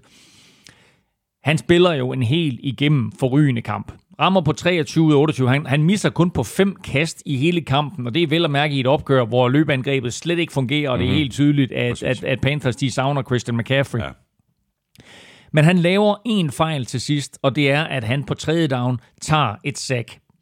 Der er pres på ham, og så prøver han lige på at dreje skulderen for at komme fri af en forsvarsspiller, for at træde op i lommen, men forsvarsspilleren holder fast og sækker Teddy Bridgewater. Så i stedet for, at det bliver måske et 58-yard field goal, så bliver det nu et 65-yard field goal, og den situation må bare aldrig ske. Han må aldrig tage det sack. Og head coach Matt Rule var ude bagefter også at sige, vi må ikke tage det sack. Og det var ikke kun en kritik af, af Teddy Bridgewater, det var sådan en generel kritik, hvor han sagde, det er fuldstændig lige meget, hvem der står derinde som quarterback. Det er et sack, vi aldrig nogensinde må tage. De er bagud 27-24. De har faktisk været lidt nede i sækken, eller det vi, havde, vi så med Titans mod Steelers. Men de kommer tilbage primært, fordi Teddy Bridgewater er forrygende. Og så får de altså chancen for at udligne her. Og hold nu kæft, hvis de havde udlignet på en 65'er. Uh, det havde været en, en historie i sig selv. Uh, så skulle vi så selvfølgelig i overtime for at finde ud af, hvem der vandt. Nu vinder uh, Saints den her, og det er jo et vigtigt, en vigtig sejr på ja. så mange parametre, ikke mindst fordi det selvfølgelig er en sejr inden for divisionen, som øh, er vigtig, når det sådan, vi tænker på også, at Saints jo har besejret Tampa Bay Buccaneers. Mm. Jeg synes, det er det, det, er det bedste, vi har set fra, fra Saints-angrebet i år. Breeze så skarp ud, completed 29 af 36 for 287 yards og to touchdowns, og så endda stadig uden øh, Michael Thomas. Og Emmanuel Sanders, som også var ude. Uh, og de mistede også øh, en, en, en tredje receiver undervejs i kampen, så det var et, et, et hav af no-names, øh, som han spillede med, men altså, eller no-names og no-names, det er i hvert fald ikke de sædvanlige stjerner, men altså Deontay Harris og, og Traquan Smith var gode. Der var et par, par tight ends derinde, som han fik god brug af, og så må jeg bare sige, at altså Alvin Kamara er jo bare et, en alt mulig mand, ikke? Og den her Schweizer-kniv, som vi så ofte taler om. Syvende, syvende kamp i træk med over 100 yards. Ja, altså 100 yards til sammen, ja. øh, fordi han har 83 rushing og 65 receiving, ikke? Griber, griber 8 bolde i den her kamp, og han er så eksplosiv, når han får Det er så fedt at se ham løbe bolden. Han er jo ikke særlig stor, og han er så eksplosiv. Hver eneste gang, han får bolden, hvad enten det er i løb, eller, eller det er, når han griber bolden, så sørger han omgående. Han løber meget af det, som man kalder nord-syd. Der er ikke så meget øst-vest i ham. Det er simpelthen øh, næsten lige imod endzonen, og så finde ud af, hvad er den korteste vej derned. Det gør han virkelig, virkelig godt. Og han er en øh, lige så væsentlig brik, hvis ikke mere faktisk, som, øh, som Drew Brees er. Fordi med de her receiver skadet, og hvad de ellers går og har problemer, der er han bare en sikkerhedsventil ud over det sædvanlige. Hvad siger du så til øh, Saints forsvar, at øh, Dennis Allens øh, forsvar måske øh, minder det lidt om det, som øh, du sagde øh, for lidt siden omkring Bengals forsvar, mm. at de måske ikke er aggressive nok, at de ikke rusher nok, at, der ikke, er- at de ikke får lagt øh, pres nok på modstanderens quarterback. Okay, nu øh, får de så sækket mm. øh, Bridgewater, men sådan, jeg tænker sådan mere, mere generelt, kan, kan det her forsvar holde kadencen sammen med Saints angreb, som ser ud til at kunne holde kadencen? Det er klart, at hvis de skal gøre sig forhåbninger om at vinde Super Bowl, så vil det være en god idé lige at få skruet op for tempoet på det her forsvar. Men hvis du sammenligner med nogle af de andre powerhouses i NFC, så er de faktisk okay. Det er klart, at deres forsvar er ikke lige så godt som Tampa Bay Buccaneers, men det er væsentligt bedre end Seattle Seahawks' forsvar. Igen, vi er lidt under halvvejs i sæsonen. Der er lang tid til at få justeret, men du har ret. Jeg kunne godt tænke mig, at de var lidt mere aggressive af og til. De har nogle virkelig, virkelig dygtige spillere, og det er klart, at de skal læne sig op af dem. En øh, Cam Jordan, en Demario Davis, en øh, Marshawn Lattimore, etc. Øh, og så bare sørge for, at, det er sådan, at, at de bliver bedre som enhed her resten af sæsonen indtil, grundspillet, eller indtil slutspillet begynder. Mm. Panthers de er altså 3 og 4, de får besøg af Falcons natten til fredag. Saints de er 4-2, og de skal til Chicago spille mod Bears. Det kører for Breeze og Saints, det gør det så mildt sagt også for Buccaneers og Old Man Brady, der slog Raiders i Vegas med 45-20. Vi øh, overvejede at nominere Brady til ugens spiller. Øh, der er kun plads til, øh, til tre navne, men vi kunne godt have nomineret ham. Fire touchdowns på dagen, og nu er han så op på 559 i karrieren. Et touchdown mere end Breeze. Og jeg, ja, præcis, den skal vi lige vende tilbage til. Jamen, jeg vil egentlig sige det der med, at vi ikke nominerede Brady. Det er fordi, og det er, også, det er også ondt at sige, ikke? Men det er jo mere normalt for ham at kaste fire touchdowns, og så lige løbe et sneak ind selv, end det er for Baker Mayfield at kaste fem touchdowns, for Devante Adams at have 200 yards og to touchdowns, og så for Justin Herbert at have sådan en coming out party. Præcis, og det var derfor, han ikke kom med. Præcis. Han var på Ja, brutolisten. og så snyder han. Ja, det er præcis, som du, det så jeg godt, du svarede en på Twitter. Der var en på Twitter, der skrev, hvorfor ikke nominere uh, Brady, så gang han snyder, så kan man ikke nomineres. Det var selvfølgelig en joke. Det var at tage det for, hvad det er. Ja, fordi øh, nu er apropos det her med, med flest touchdown-kast. Uh, Breeze tog jo rekorden sidste år for flest touchdown-kast, men uh, maskinen, uh, Breeze, maskinen Saints, er ikke helt så effektiv som maskinen uh, Brady i Buccaneers, så nu er, han plus, nu har han pludselig overtaget rekorden. Og så har vi det her battle uge efter uge, som vi jo lidt missede sidste år, fordi uh, Brady i Patriots jo var, uh, altså Patriots-maskinen jo slet ikke fungerede, han slet ikke kastede det antal touchdowns, som Breeze gjorde sidste år. Så nu får vi det her battle jo nærmest uge for uge. Nu er det altså efter her spil uge 7. Brady, der fører 559 kastede touchdowns mod Breezes 558, og man skal lægge mærke til, at det er jo kun touchdowns i grundspillet, der tæller, så alt, hvad de kommer til at kaste i slutspillet, tæller ikke med. Men altså lige nu, der er det Brady, der har overtaget. Hvor meget kom det til at betyde for den her kamp, at uh, Raiders offensiv linje blev uh, decimeret undervejs? Så, så tackle Sam Young uh, røg ud med en skade, og guard Gabe Jackson, han blev, han blev smidt ud. Ja. De fik i hvert fald ikke lettere ved at løbe bolden, hvilket jo ikke ligefrem var nogen fordel for, for Derek Carr. Jamen, det kom faktisk til at få rigtig stor betydning. En anden ting, der fik rigtig stor betydning, det var jo, at hele den offensive linje jo sådan set var corona-ramt i den her uge, fordi venstre tackle Trent Brown måtte, øh, altså blev, fik corona. Og så røg resten af den offensive linje i corona-karantæne. Og de trænede ikke sammen hele ugen.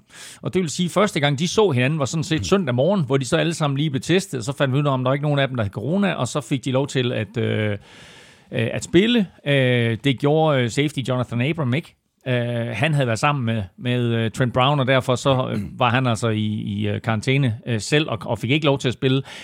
De andre fire her, de kommer ind, og som du siger, de får en skade, og de får en mand smidt ud. Og på det punkt, på det tidspunkt, der står det faktisk kun 24-20 mm. til Buccaneers. Og så scorer Box altså lige tre touchdowns på det tidspunkt. Så hvor en 25 45-20 sejr jo virker brutal og overlegen, så skal man lige lægge mærke til, at det stod altså 24-20 på det her tidspunkt. Fra det punkt af, der kunne øh, Raiders angreb ikke rigtig mere. Og Buccaneers angreb fortsætter jo bare med at, at, at, at køre derud af. Mm.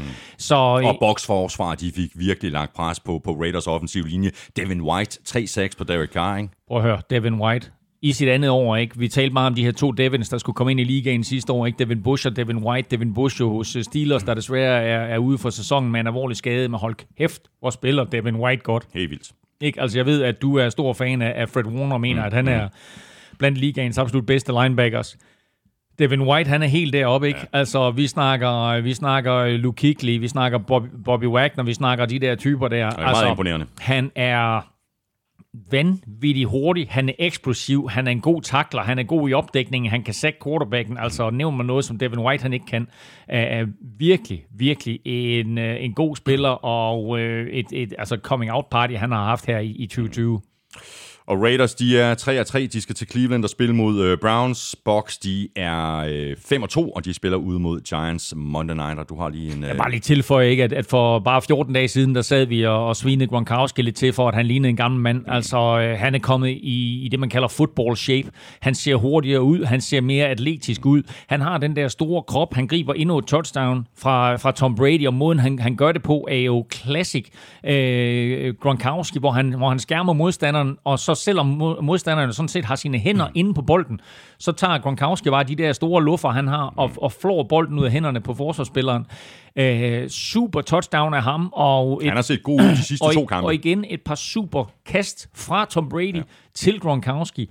Det touchdown, de scorer her, det er nummer 92 til sammen i grundspil og slutspil, og dermed så er de nu nummer to på all-time-listen, kun overgået af Øh, har vi øh, fat i noget Colts her, måske? ja, Peyton Manning og Marvin Harrison. Exactly. Præcis. Ja. Øh, 92 af Gronk og Brady, 114 alt i alt grundspil og øh, slutspil af Manning og Harrison. Så er vi videre til øh, Lions, der vandt med øh, 23-22 ud over Falcons, øh, der bare kan det der med at være foran og så tabe til sidst. Øh, de finder nye måder at gøre det på. De er de nye Chargers og Elming. Der var Todd Gurley. Altså, hvis vi nogensinde skulle spille Koversmeds øh, Evergreen, Ja, så kunne det godt have været en uge, ikke? Men, øh, men ikke, for, ikke for noget godt, fordi øh, som, øh, som øh, Morten øh, Levisen han øh, skriver til os, øh, Mund Todd Gurley bare fulgte Elmings råd. Tag nu pointene, når de er der. That shit for ham. Godt, det korte og lange det er, at øh, Falcons er bagud med en. Og skal sådan set bare sparke et field goal og vinde. Og det kan de gøre øh, ved, at de øh, løber bolden, og så trækker alle tiden, og så sparker et field goal i sidste sekund, og så er kampen overstået. Det eneste, de ikke må, det er at score touchdown. Todd Gurley løber op igennem midten. Lions lader lidt som om, at de prøver på at takle ham.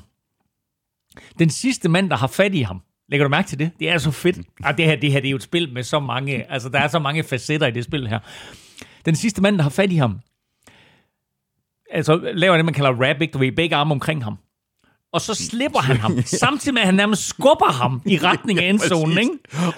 Og, og, og, og, og Gurley, han falder ind, og så, jeg vil ikke score touchdown. og så scorer, så rammer bolden, den rammer lige nøjagtigt mållinjen, så der er touchdown. Og det næste, der sker, det er det bedste, jeg nogensinde har set i nogen NFL-kamp.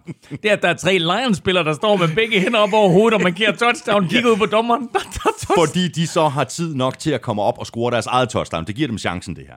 Præcis, fordi så, øh, så sparker, så sparker øh, Falcons, de har jo scoret touchdown, sparker et ekstra point, de får en med 6. Men lige pludselig, i stedet for at der er 0 sekunder tilbage på klokken, så er der et minut tilbage på klokken. Og det er nok for Matthew Stafford til at køre sine tropper ned og få scoret et udlignende touchdown, øh, hvor han først jo hammer en dyb bold ned til Kenny Golladay, og så umiddelbart efter kaster et touchdown til T.J. Hawkinson, der udligner. Men på det touchdown, der er der en sportsmanlike conduct imod Daniel Mendola. Så pludselig, så bliver ekstra pointet rykket tilbage og bliver en 48 yarder. Mm. Det er ikke noget helt nemt ekstra det er ikke sådan, man bare tager for givet, vel? Og Matt Prater havde brændt et, øh, et field goal tidligere ja, ja. i kampen, ikke? men øh, han laver altså den her, og så vinder de pludselig med en enkelt pind. Ja. Uh, vigtig sejr for uh, Matt Patricia. Uh, nu har Lions vundet to i træk, uh, og er 3 af 3. Uh, han var jo ellers sådan en coach, som jo også godt kunne komme i fare, hvis, uh, hvis der ikke kommer styr på det her, ikke? Både og, fordi jeg synes jo egentlig, at Lions har spillet godt i år. Og hvis du ser på deres løbeforsvar, øh, så var det jo egentlig sidste år, at det skulle være rigtig godt, hvor de jo hævde nogle, nogle spillere ind, så man tænkte, okay, nu, nu går de der all in på at stoppe løbeangrebet, men det er faktisk i år, at deres løbeforsvar har været rigtig, rigtig skarpt. Og det er det også i den her kamp. Så Falcons skal jo, hvis de skal flytte bolden, så skal det være på baggrund af, af Matt Ryan øh, og hans øh, kastangreb, øh, Calvin Ridley, Julio Jones med flere. Øh, og, og det går også godt. Øh, men altså, jeg synes jo egentlig, at, at så, reelt set skal Lions jo aldrig komme i problemer i den her kamp. Det gør de, og, og, og det er selvfølgelig, det hænger jo lidt på trænerstaben øh, generelt. Nu er de heldige med den her Todd Gurley-fejl. Og så ved vi også, at de har en quarterback i Matthew Stafford, som bare er dødshammerende effektiv, hvis du giver ham chancen inden for de sidste to minutter. Han har gjort det så mange gange, og han gør det her igen. Så det faktum, at han overhovedet får chancen, det ved, det ved Falcons godt, det her det er et problem. Men som jeg sagde før, jeg synes aldrig, at Lions skal nå til det punkt, hvor de er afhængige af et Matthew Stafford comeback. Og det kan godt være en lille udfordring for trænerstaben, at, at, at de kommer dertil. Hvad så med i forhold til Falcons? Er det ikke mere eller mindre den samme historie som sidste år? Så de er 1 af 6 nu. De kunne måske øh, lige så godt have været 3 og 4, eller måske endda 4 og 3. Øh, deres secondary er måske ikke øh, verdens bedste, og så er det svært at for, forsvare de her føringer, som de jo har haft i mange af kampene. Øh, er det der, det går galt? Eller er det mentalt? Hvad, hvad, hvad, hvad sker der i Atlanta? Altså et, et, et, et selvfølgelig Gurleys fejl, men to noget helt andet og nu er tænker også. jeg på hele, hele sæsonen, ikke? De en- de, de er 1 af 6. Jamen, jamen der er der masser, der er der masser af, af, af mærkelige coachingbeslutninger undervejs. Altså nu her, øh, har- nu har de jo skiftet coach og sat Raheem Morris ind i stedet for Dan Quinn. Men han tager jo også en fuldstændig latterlig beslutning, øh, fordi på et tidspunkt, der står der, nu skal jeg lige se her, det står 14-13 øh, til Falcons. Falcons er foran 14-13. Og så står, så står de med 4 down og 5 på Lions 13 linje. Det vil sige, at de med, altså med et field goal kan bringe sig foran med 4. Og så går de efter den på 4 down og misser. Og Lions får bolden tilbage. Det er sådan noget, hvor jeg bare bagefter sidder og tænker, altså, hvornår er vi kommet dertil i NFL, at du ikke sparker det field goal? Hvornår er analytics pludselig blevet så væsentligt, at det er sådan, du siger, at der er en større chance for, at vi vinder, hvis vi går efter den på 4 down og 5 for modstanderens 13 linje? Ikke ind i mit hoved. Og så kan det godt være, at der er nogle matematikere, der siger, jamen sådan og sådan og sådan. Ved du hvad, tag de der point der, og især når det hedder en fjerde down og fem. Fjerde down og fem er kan ikke det samme nøds- som en fjerde down og jeg, inches, jeg kan til nøds acceptere, hvis det er en fjerde down og en, eller et eller andet, ikke? Og, Mm. og du har en Brady, der kan sneak den, eller whatever. Men fjerde down og fem for modstanderens 13 linje, der sparker du det field goal, og så er jeg nogenlunde ligeglad med, hvad matematikken siger. De, de tre point er jo afgørende, fordi den her kamp, den ender med en et point sejr til Lions. Ikke? Og, vel at mærke efter endnu en, en, en mental brøler, øh, der er, af Todd Gurley. Så tag nu det her point, og, og det samme gjorde sig gældende også i kampen mellem, mellem nu, jeg gad ikke engang nævne det, fordi jeg nævner det jo nærmest hver uge, men også i kampen mellem, mellem øh, Giants og Eagles i torsdags, kunne Eagles have taget tre point og gå efter touchdown og misser og så videre, ikke? Så altså, øh, og de taber også med en enkelt pind, ikke? Altså, øh, eller Giants, Giants kunne have gået efter touch, øh, touch, de kunne have gået efter et field goal, går efter touchdown, misser, taber kampen. Øh, der var flere andre eksempler på, på fjerde downs. Vi kommer faktisk tilbage til det også i Rams-Bears-kampen osv. Øh, men jeg vil lige inden vi runder den her kamp af, slutte af med en situation, som jeg synes var meget væsentlig og meget forvirrende, fordi jeg sad, selv- selv sad og tænkte, hvad er det helt præcis reglen er her? Og det er på det kast til Kenny Golladay, som jo er inden for de sidste 15 sekunder. Den bliver grebet af Kenny Golladay. Hvis du nu lige spoler tiden tre år tilbage til 2017, så kan du faktisk huske en kamp mellem præcis de samme to hold. Lions og Falcons, samme situation. Stafford får chancen, kører sit hold ned, kaster et touchdown til Marvin Jones. Den bliver set igennem, og så vurderer dommerne, han er stoppet på en halvjardlinjen. Og på det tidspunkt der var der kun 8 sekunder igen. Og der siger reglerne, hvis et spil bliver set igennem, så er der det, der hedder 10 second run-off, der trækkes 10 sekunder fra klokken, Og så er kampen slut. og så var kampen slut, og så stod Marvin Jones og Matthew Stafford der og sagde, vi vil da have chancen. Men reglerne siger, der skal trækkes 10 sekunder fra. Det kast til Golladay bliver dømt som complete. De løber ned, de spiker bolden med 3 sekunder igen, og så siger dommerne, nu kigger vi spillet igennem for at se, om den er complete. Og så sagde jeg og tænkte, nu er der 10 second run-off. Præcis. Men reglen er faktisk, at hvis kendelsen på banen ikke bliver ændret, så er der ikke en 10 second run-off. Så derfor så fik, lov, så fik lov, spillet lov til at stå, men tiden løb stadigvæk. Og der vurderer dommerne så, at der, da han spikede den, det er der, tiden skal starte fra, så, så når han faktisk at få et, et spil ekstra og spike den, og så har de et spil med to sekunder igen, hvor han så løber ud og kaster det her touchdown til TJ Hawkinson. Så vigtigt for dommerne der at holde styr på reglerne. Og jeg sad og jeg tænkte, hvorfor er det der ikke 10 second runoff, Men der er forklaringen. Mm. Og Falcons, de er altså 1 og 6 nu. De spiller ud mod Panthers natten til fredag. Lions, de er 3 og 3, og de spiller hjem mod Colts. Så er vi nået til et øh, sandt drama, pakket med store offensive spil. Den sene søndagskamp i NFC Vest mellem Seahawks og Cardinals. Kampen sluttede 34-34 i regulær spilletid.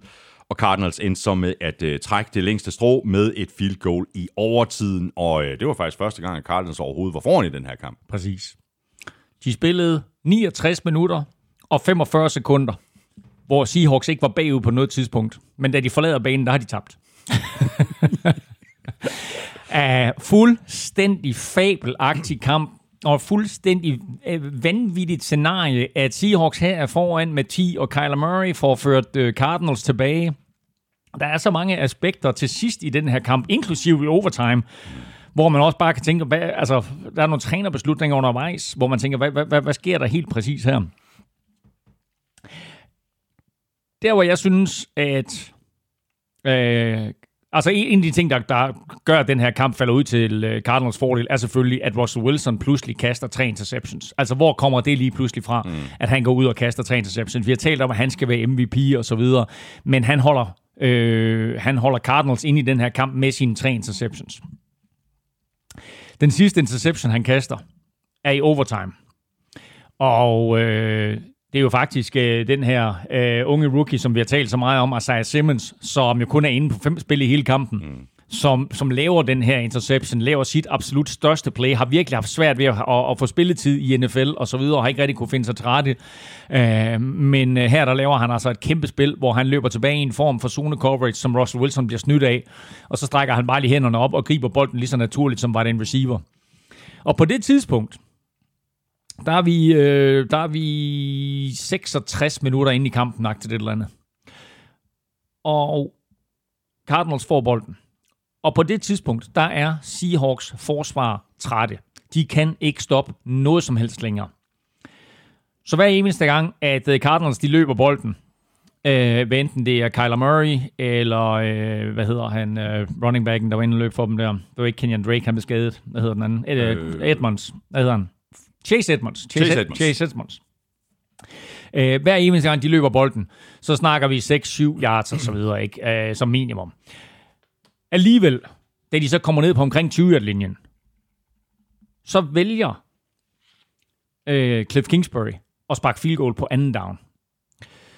Altså, jeg ved godt, at de på første down, der er de også, Cardinals er faktisk også lidt mentalt trætte på det tidspunkt, så på første down, der, der er der faktisk en, en, en, en fejl mellem Chase Edmonds og Kyler Murray. Kyler Murray går den ene vej, og Chase Edmonds går den anden vej, og så ender det med, at Kyler Murray, han, lige, øh, han, han bliver taklet og taber et par yards og sådan noget.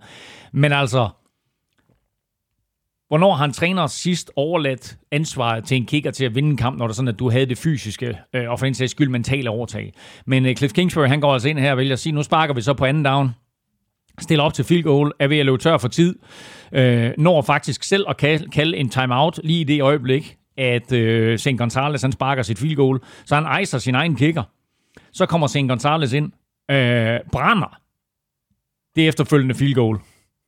Og jeg er bare sådan lidt, jamen, hvad laver du? ikke, altså. Og så tænkte jeg, øh, nu, jamen, nu, nu, nu enten, så ender, jeg var indstillet på, at den her den ender uafgjort. Eller også så vil Seahawks og Russell Wilson trække endnu en kanin op af hatten. Mm, mm. Men så kaster han faktisk, ej, det, det passer faktisk ikke, for det er faktisk, på det, det er faktisk på det drive, at han så kaster den interception til Isaiah Simmons, og så kører de så ned endnu en gang inden for St. Gonzalez field goal afstand, og så med 15 sekunder igen sparker han, så er det afgørende. Men jeg forstod ikke beslutningen fra Cliff Kingsbury om at sparke på, øh, på, på anden down. Det er klart, der, altså, man siger altid, okay, hvis du er i overtime, eller det er en afgørende kampsituation, så sparker man ofte field goalet på tredje down, og det gør man, fordi hvis snappet for eksempel ikke er i orden, så har du to muligheder. Enten man kan køre det, der hedder en fire drill, hvor alle ved, jamen altså, så løber man lige ud og, og, og forsøger at lave et complete pass i stedet for, eller holderen er nogle gange blevet bedt om også bare at sige, hvis det er et, et dårligt snap, så rejser du lige op, og så er du quarterback, og så spiker du bare bolden. Så er det et incomplete pass. Du taber ikke nogen yards, du har mistet nogle sekunder, men du får stadigvæk fjerde down til at få fuldført det her spark. Her der vælger de altså gøre det på anden down, og det synes jeg var en mystisk beslutning, når man på den måde var i stand til at løbe bolden, som, som Cardinals var på det her tidspunkt. Vi bliver nødt til lige at tale DK Metcalf. Øh, Du nævnte ham også lidt øh, tidligere i udsendelsen. Øh, Helt fantastisk uh, ung wide receiver, han spiller i sit andet år, og uh, så gør han det jo altså også rimelig godt uh, på en af Russell Wilsons uh, interceptions. Han, han indhenter simpelthen Buda Baker uh, og, og, og får, får ham taklet. Ikke? Det her det er i normal spilletid, hvor Det er anden kvartal. det er det anden kvartal, hvor øh, Seahawks forsøger at komme ud og snyde Cardinals med at afvikle et spil hurtigt. Og så kaster Russell Wilson bolden, øh, de står nede på omkring 5 linjen og så kaster han bolden ned på omkring 1 linjen men Buda Baker har læst den hele vejen, træder ind imellem. Meget sjældent fejl af Russell Wilson, et meget mærkeligt kast, og et lidt for blødt kast. Buda Baker træder ind, og så har han ellers 99 yards til touchdown. Men han bliver hentet bagfra af DK Metcalf. Og spillet ligger inde på gul klud, så man kan gå derind og se det, fordi det er fuldstændig vanvittigt. Han løber 108,8 yards alt i alt, DK Metcalf, for at lave den her takling. Og han henter Buda Baker, som altså en, løber en 40 yards på omkring 4,45-agtigt et eller andet. Ja, han er heller ikke langsom. Han er på ingen måde langsom, og han er jo sikker på, at han scorer touchdown. I stedet for så løber øh, DK Metcalf ned og takler ham. Og der vil jeg så lige sige, at udover det her, det er et kæmpe spil af DK Metcalf, så ender det her jo faktisk med, at Cardinals går efter den på fjerde down, ja, fordi de får så tre downs, får den ikke ind. Fjerde down går de efter den, misser, så de kommer derfra med præcis 0 point på det kæmpe spil af Buda Baker. Og igen vil jeg bare lige brokke mig, fordi der skal du derfra med point tage det der momentum. Fra at du lige har stoppet Seahawks fra for touchdown, jamen så skal du selv have tre point i den anden ende. Så er det faktisk en pointforskel på 10. Nu her, der bliver det stadigvæk en pointforskel på 7, men du misser hele det der momentum med, hey, vi fik point ud af det der. Og det er sådan noget, nu ender det selvfølgelig godt for Cardinals, men der var bare mange beslutninger undervejs. Ja, den der, jeg lige pointerede før med, med, med field goal på anden down, og så det her med, at de går efter syv her, i, i stedet for bare at sparke field goal. Der er små ting der, som, som irriterer mig, men altså, når du kigger tilbage på den her kamp, fed, fed kamp, ikke? Og W øh, i, i vindkolonnen. Ja, og over 1000 yards øh, lagt sammen for de to hold. Øh, prøv, prøv lige at høre de her tal her for, for de to øh, quarterbacks, Murray og Wilson. Murray, 34 af 48 for 360 yards, 3 touchdowns, 1 interception, plus 14 løb for 67 yards og touchdown. Wilson, 33 af 50 for 388 yards, tre touchdowns, og så har vi lige de her tre interceptions, plus seks løb for 84 yards. Det er craziness. Ja, hvor meget kaster han for Wilson? 388. Det er helt vanvittigt. Øhm, og det er helt vanvittigt, fordi der inden den her weekend øh, aldrig havde været, der havde, eller der, ikke, ikke der aldrig havde været, der havde været fire quarterbacks i, øh, i historien, der havde kastet for 300 yards, løbet for 60, og så kastet, hvor mange touchdowns kastede han Wilson? Øh, tre. og så kastede, og, og kastede tre touchdowns. Det var, det var Jeff Garcia to gange, det var Steve Young, og så kan jeg ikke huske, hvem den sidste var. I den her weekend, der, øh, der gjorde Justin Herbert, Kyler Murray og Russell Wilson. Det er alle tre. Så helt insane. Øh, og viser igen det her med den nye type quarterback, der er kommet ind, hvor vi kan sige, at Russell Wilson var en af de første, der sådan rigtig startede det. Men altså nu har vi fået Kyler Murray ind, som selvfølgelig er lidt en klon, en lidt mindre klon end, øh, end Russell Wilson. Og, øh, og så Justin Herbert, der selvfølgelig ser helt anderledes ud, men har lidt af, af de samme øh, øh, karakteristika. Men sindssyg kamp mellem de her to, og hvis vi rost opgøret mellem Browns og Bengals og deres to unge quarterbacks, så bliver det her jo et fedt, fedt opgør i årene frem efter med Russell Wilson ja. imod Kyler Murray.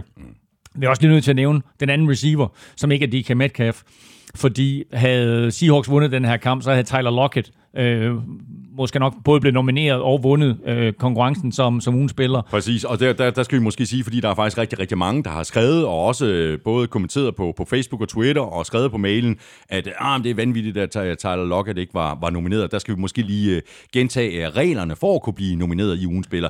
Det er, at man skal spille for det vindende hold. Præcis. Sådan er det. Men Præcis. altså en vanvittig kamp af Tyler Lockett, 15 grebne bolde for 200 yards og 3 touchdowns. Ja, sindssyg kamp jo, uh, men uh, det, var, det, var ikke, det var ikke nok imod det her Cardinals-mandskab. Uh, så penalt, penalties og turnovers will kill you. Og den sidste ting her, det er, Seahawks forsvar gjorde det i den her kamp, at de sagde, okay, vi satser på to ting. Vi satser på et, hold Kyler Murray i lommen. Han skal ikke have lov til at, at løbe os ihjel. Han skal ikke have lov til at, at snyde os ved at løbe ned bag om en, en eller anden form for pass rush, og så komme fri. Øh, og to, stop alt, hvad der hedder små, korte screens. Og det havde Cardinals enormt svært ved at justere øh, omkring i første halvleg, men da de får det justeret, og de lader Kyler Murray kaste den lidt mere ned ad banen, så pludselig så åbner det hele sig op. Han kaster 50 gange i den her kamp, Kyler Murray. Han bliver ikke sækket en eneste gang. Så det her Seahawks forsvar spillede en form for prevent forsvar, men de skal blive meget bedre til at lagt, få lagt pres på modstandernes quarterback, for ellers så løber de altså i problemer, når de, når de skal spille mod hold som, som, som Packers og Saints og Buccaneers og den type mandskaber. Og Cardinals, de er 5 og 2, de går på øh, deres bye week. Seahawks, de er 5 og 1, og de spiller hjemme mod øh, 49ers. Så mangler vi bare Monday Night-kampen, som Rams vandt med 24-10 over øh, Bears, og vi lægger ud med et indspark fra øh, Katja Kvarnø, der skriver sådan her til os på Twitter. Kan I ikke lige give Johnny Hacker lidt kærlighed? Dette var Bears udgangsposition efter Rams punts 7, 10, 1, 6 og 5 yard linjen. Det var kampafgørende. Johnny Hacker er ubetinget NFL's bedste punter. Han har fem punts i den her kamp. Han placerer, som Katja skriver her, alle fem inden for 10-linjen, deraf tre inden for 6'eren og en enkelt på 1-linjen. Det var nemlig kampafgørende, fordi Bears var så ufattelig ineffektive. Nick Foles var ringen, og de havde, deres offensiv linje kan ikke uh, lave noget hul overhovedet til running backen, så David Montgomery fik ingenting. Og derfor så de her uh, udgangspositioner, var jo bare med til at afgøre kampen. Mm. Fordi Bears startede inden for deres 10 hver evig eneste gang, og Rams startede på midterlinjen. Uh, Rams havde selv store problemer med at flytte bolden imod et rigtig, rigtig skarpt Bears forsvar. Fordi Bears forsvar laver nærmest ingen fejl i den her kamp. Og alligevel så taber øh, de altså 24-10 den ender, ikke? Uh, og det gør de, for jeg vil lige sige også, at de 10 point, der laver, hvad hedder det, øh, der laver Bears angreb de 3, mens Bears forsvar laver de 7. Ja, præcis. Det er der, der mangler en 7-8 minutter af kampen. Præcis, så, øh, så øh, altså, Bears angreb fik absolut intet ud af det i den her kamp. Det er selvfølgelig på baggrund af, af udgangspositionen. Um, men også bare på baggrund af, at, at, at Nick Foles var elendig, og den offensive linje er horribel. Når det så er sagt, så spillede Bears forsvar som sagt en rigtig god kamp også. Og det er først, da Sean McVay laver en lille genialitet, at det går stærkt, fordi det står jo egentlig 10-3 rigtig længe, og så går han lige i no-huddle på to angrebsserier i træk. Og da han gør det, og skruer op for tempoet, så begynder Goff også at få noget rytme, og så scorer de faktisk touchdown på de to angrebsserier. Så der går de lige fra 10-3 til 24-3 på to angrebsserier. Så bliver det sådan tæt, fordi de scorer det der defensive touchdown, men tæt bliver det jo aldrig rigtigt. Nej, fordi Øh. øh, Bears netop ikke kan få gang i deres angreb. Præcis. Og Bears ikke, altså apropos det her med at gå efter den på fjerde down, ikke? Øh, de går efter den fire gange i den her kamp. Fire gange går de efter den på fjerde down. De tre første, der laver de false start. På den ene, det er bare en 20 linje. Øh, den anden, der bliver de så taklet for minus yards, og den tredje øh, bliver, øh, bliver, hvad hedder det, øh, Nick Foles øh, øh, sækket. Øh, og den sidste er complete, øh, men to plays senere, der kaster Nick Foles så en interception. Så øh, det er øh, øh, det er et Bears-mandskab, der er 5 og 2 nu, men som her, synes jeg, fik deres svagheder udstillet. Mm, mm. Det er et Bears-mandskab, der skal leve meget højt på deres forsvar. Ja. Øh, og et Bears-mandskab, der skal, der skal regne med at vinde kampe sådan noget 17-14-agtigt et eller andet. Mm. Så snart de er ude imod en maskine som det her, der kan lave lidt point, så får de det svært.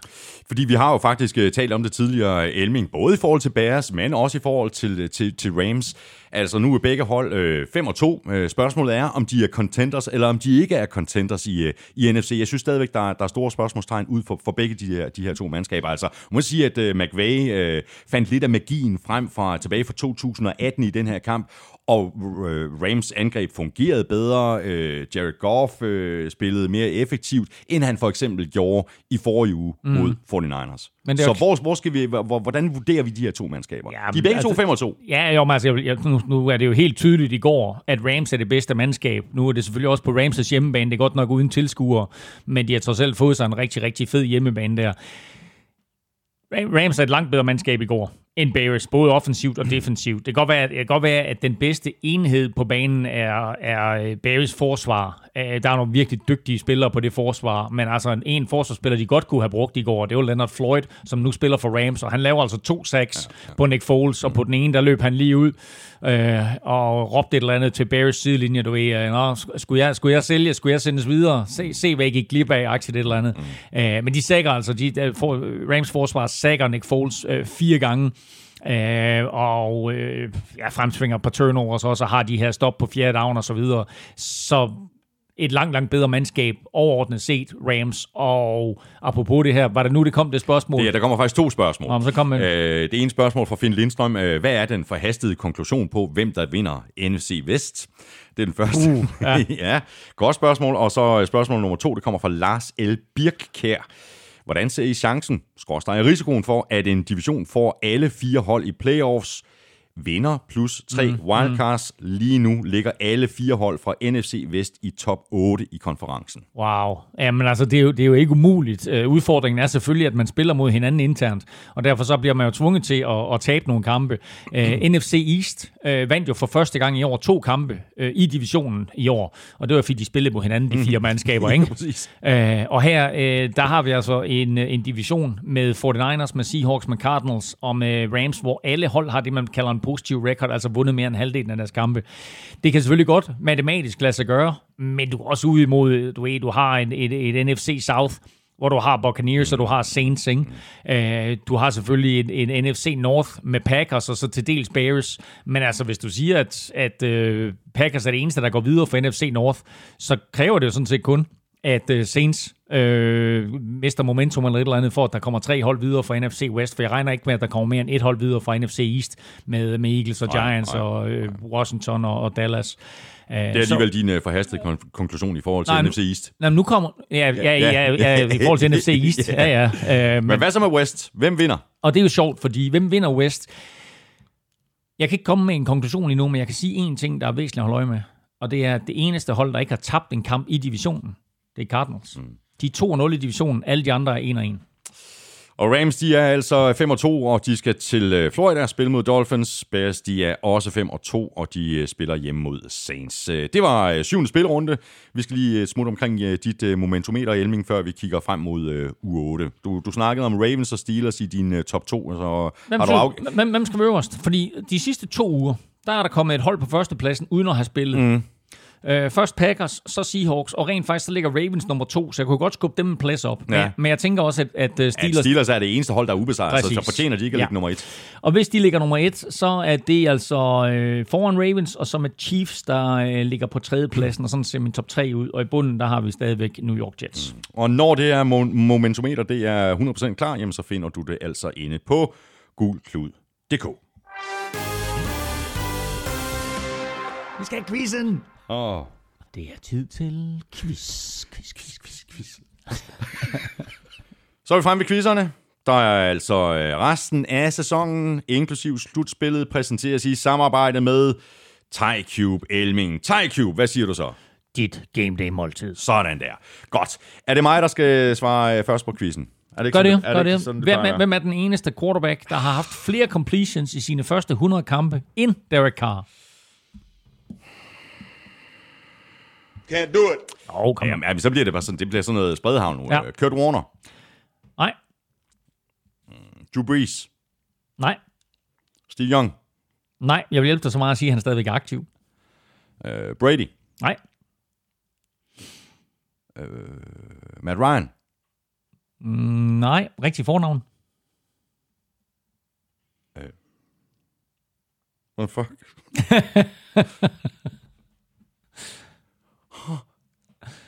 Hvad, hvad er Matt en forkortelse for? Ah, er det Stafford? Math, Matthew Stafford.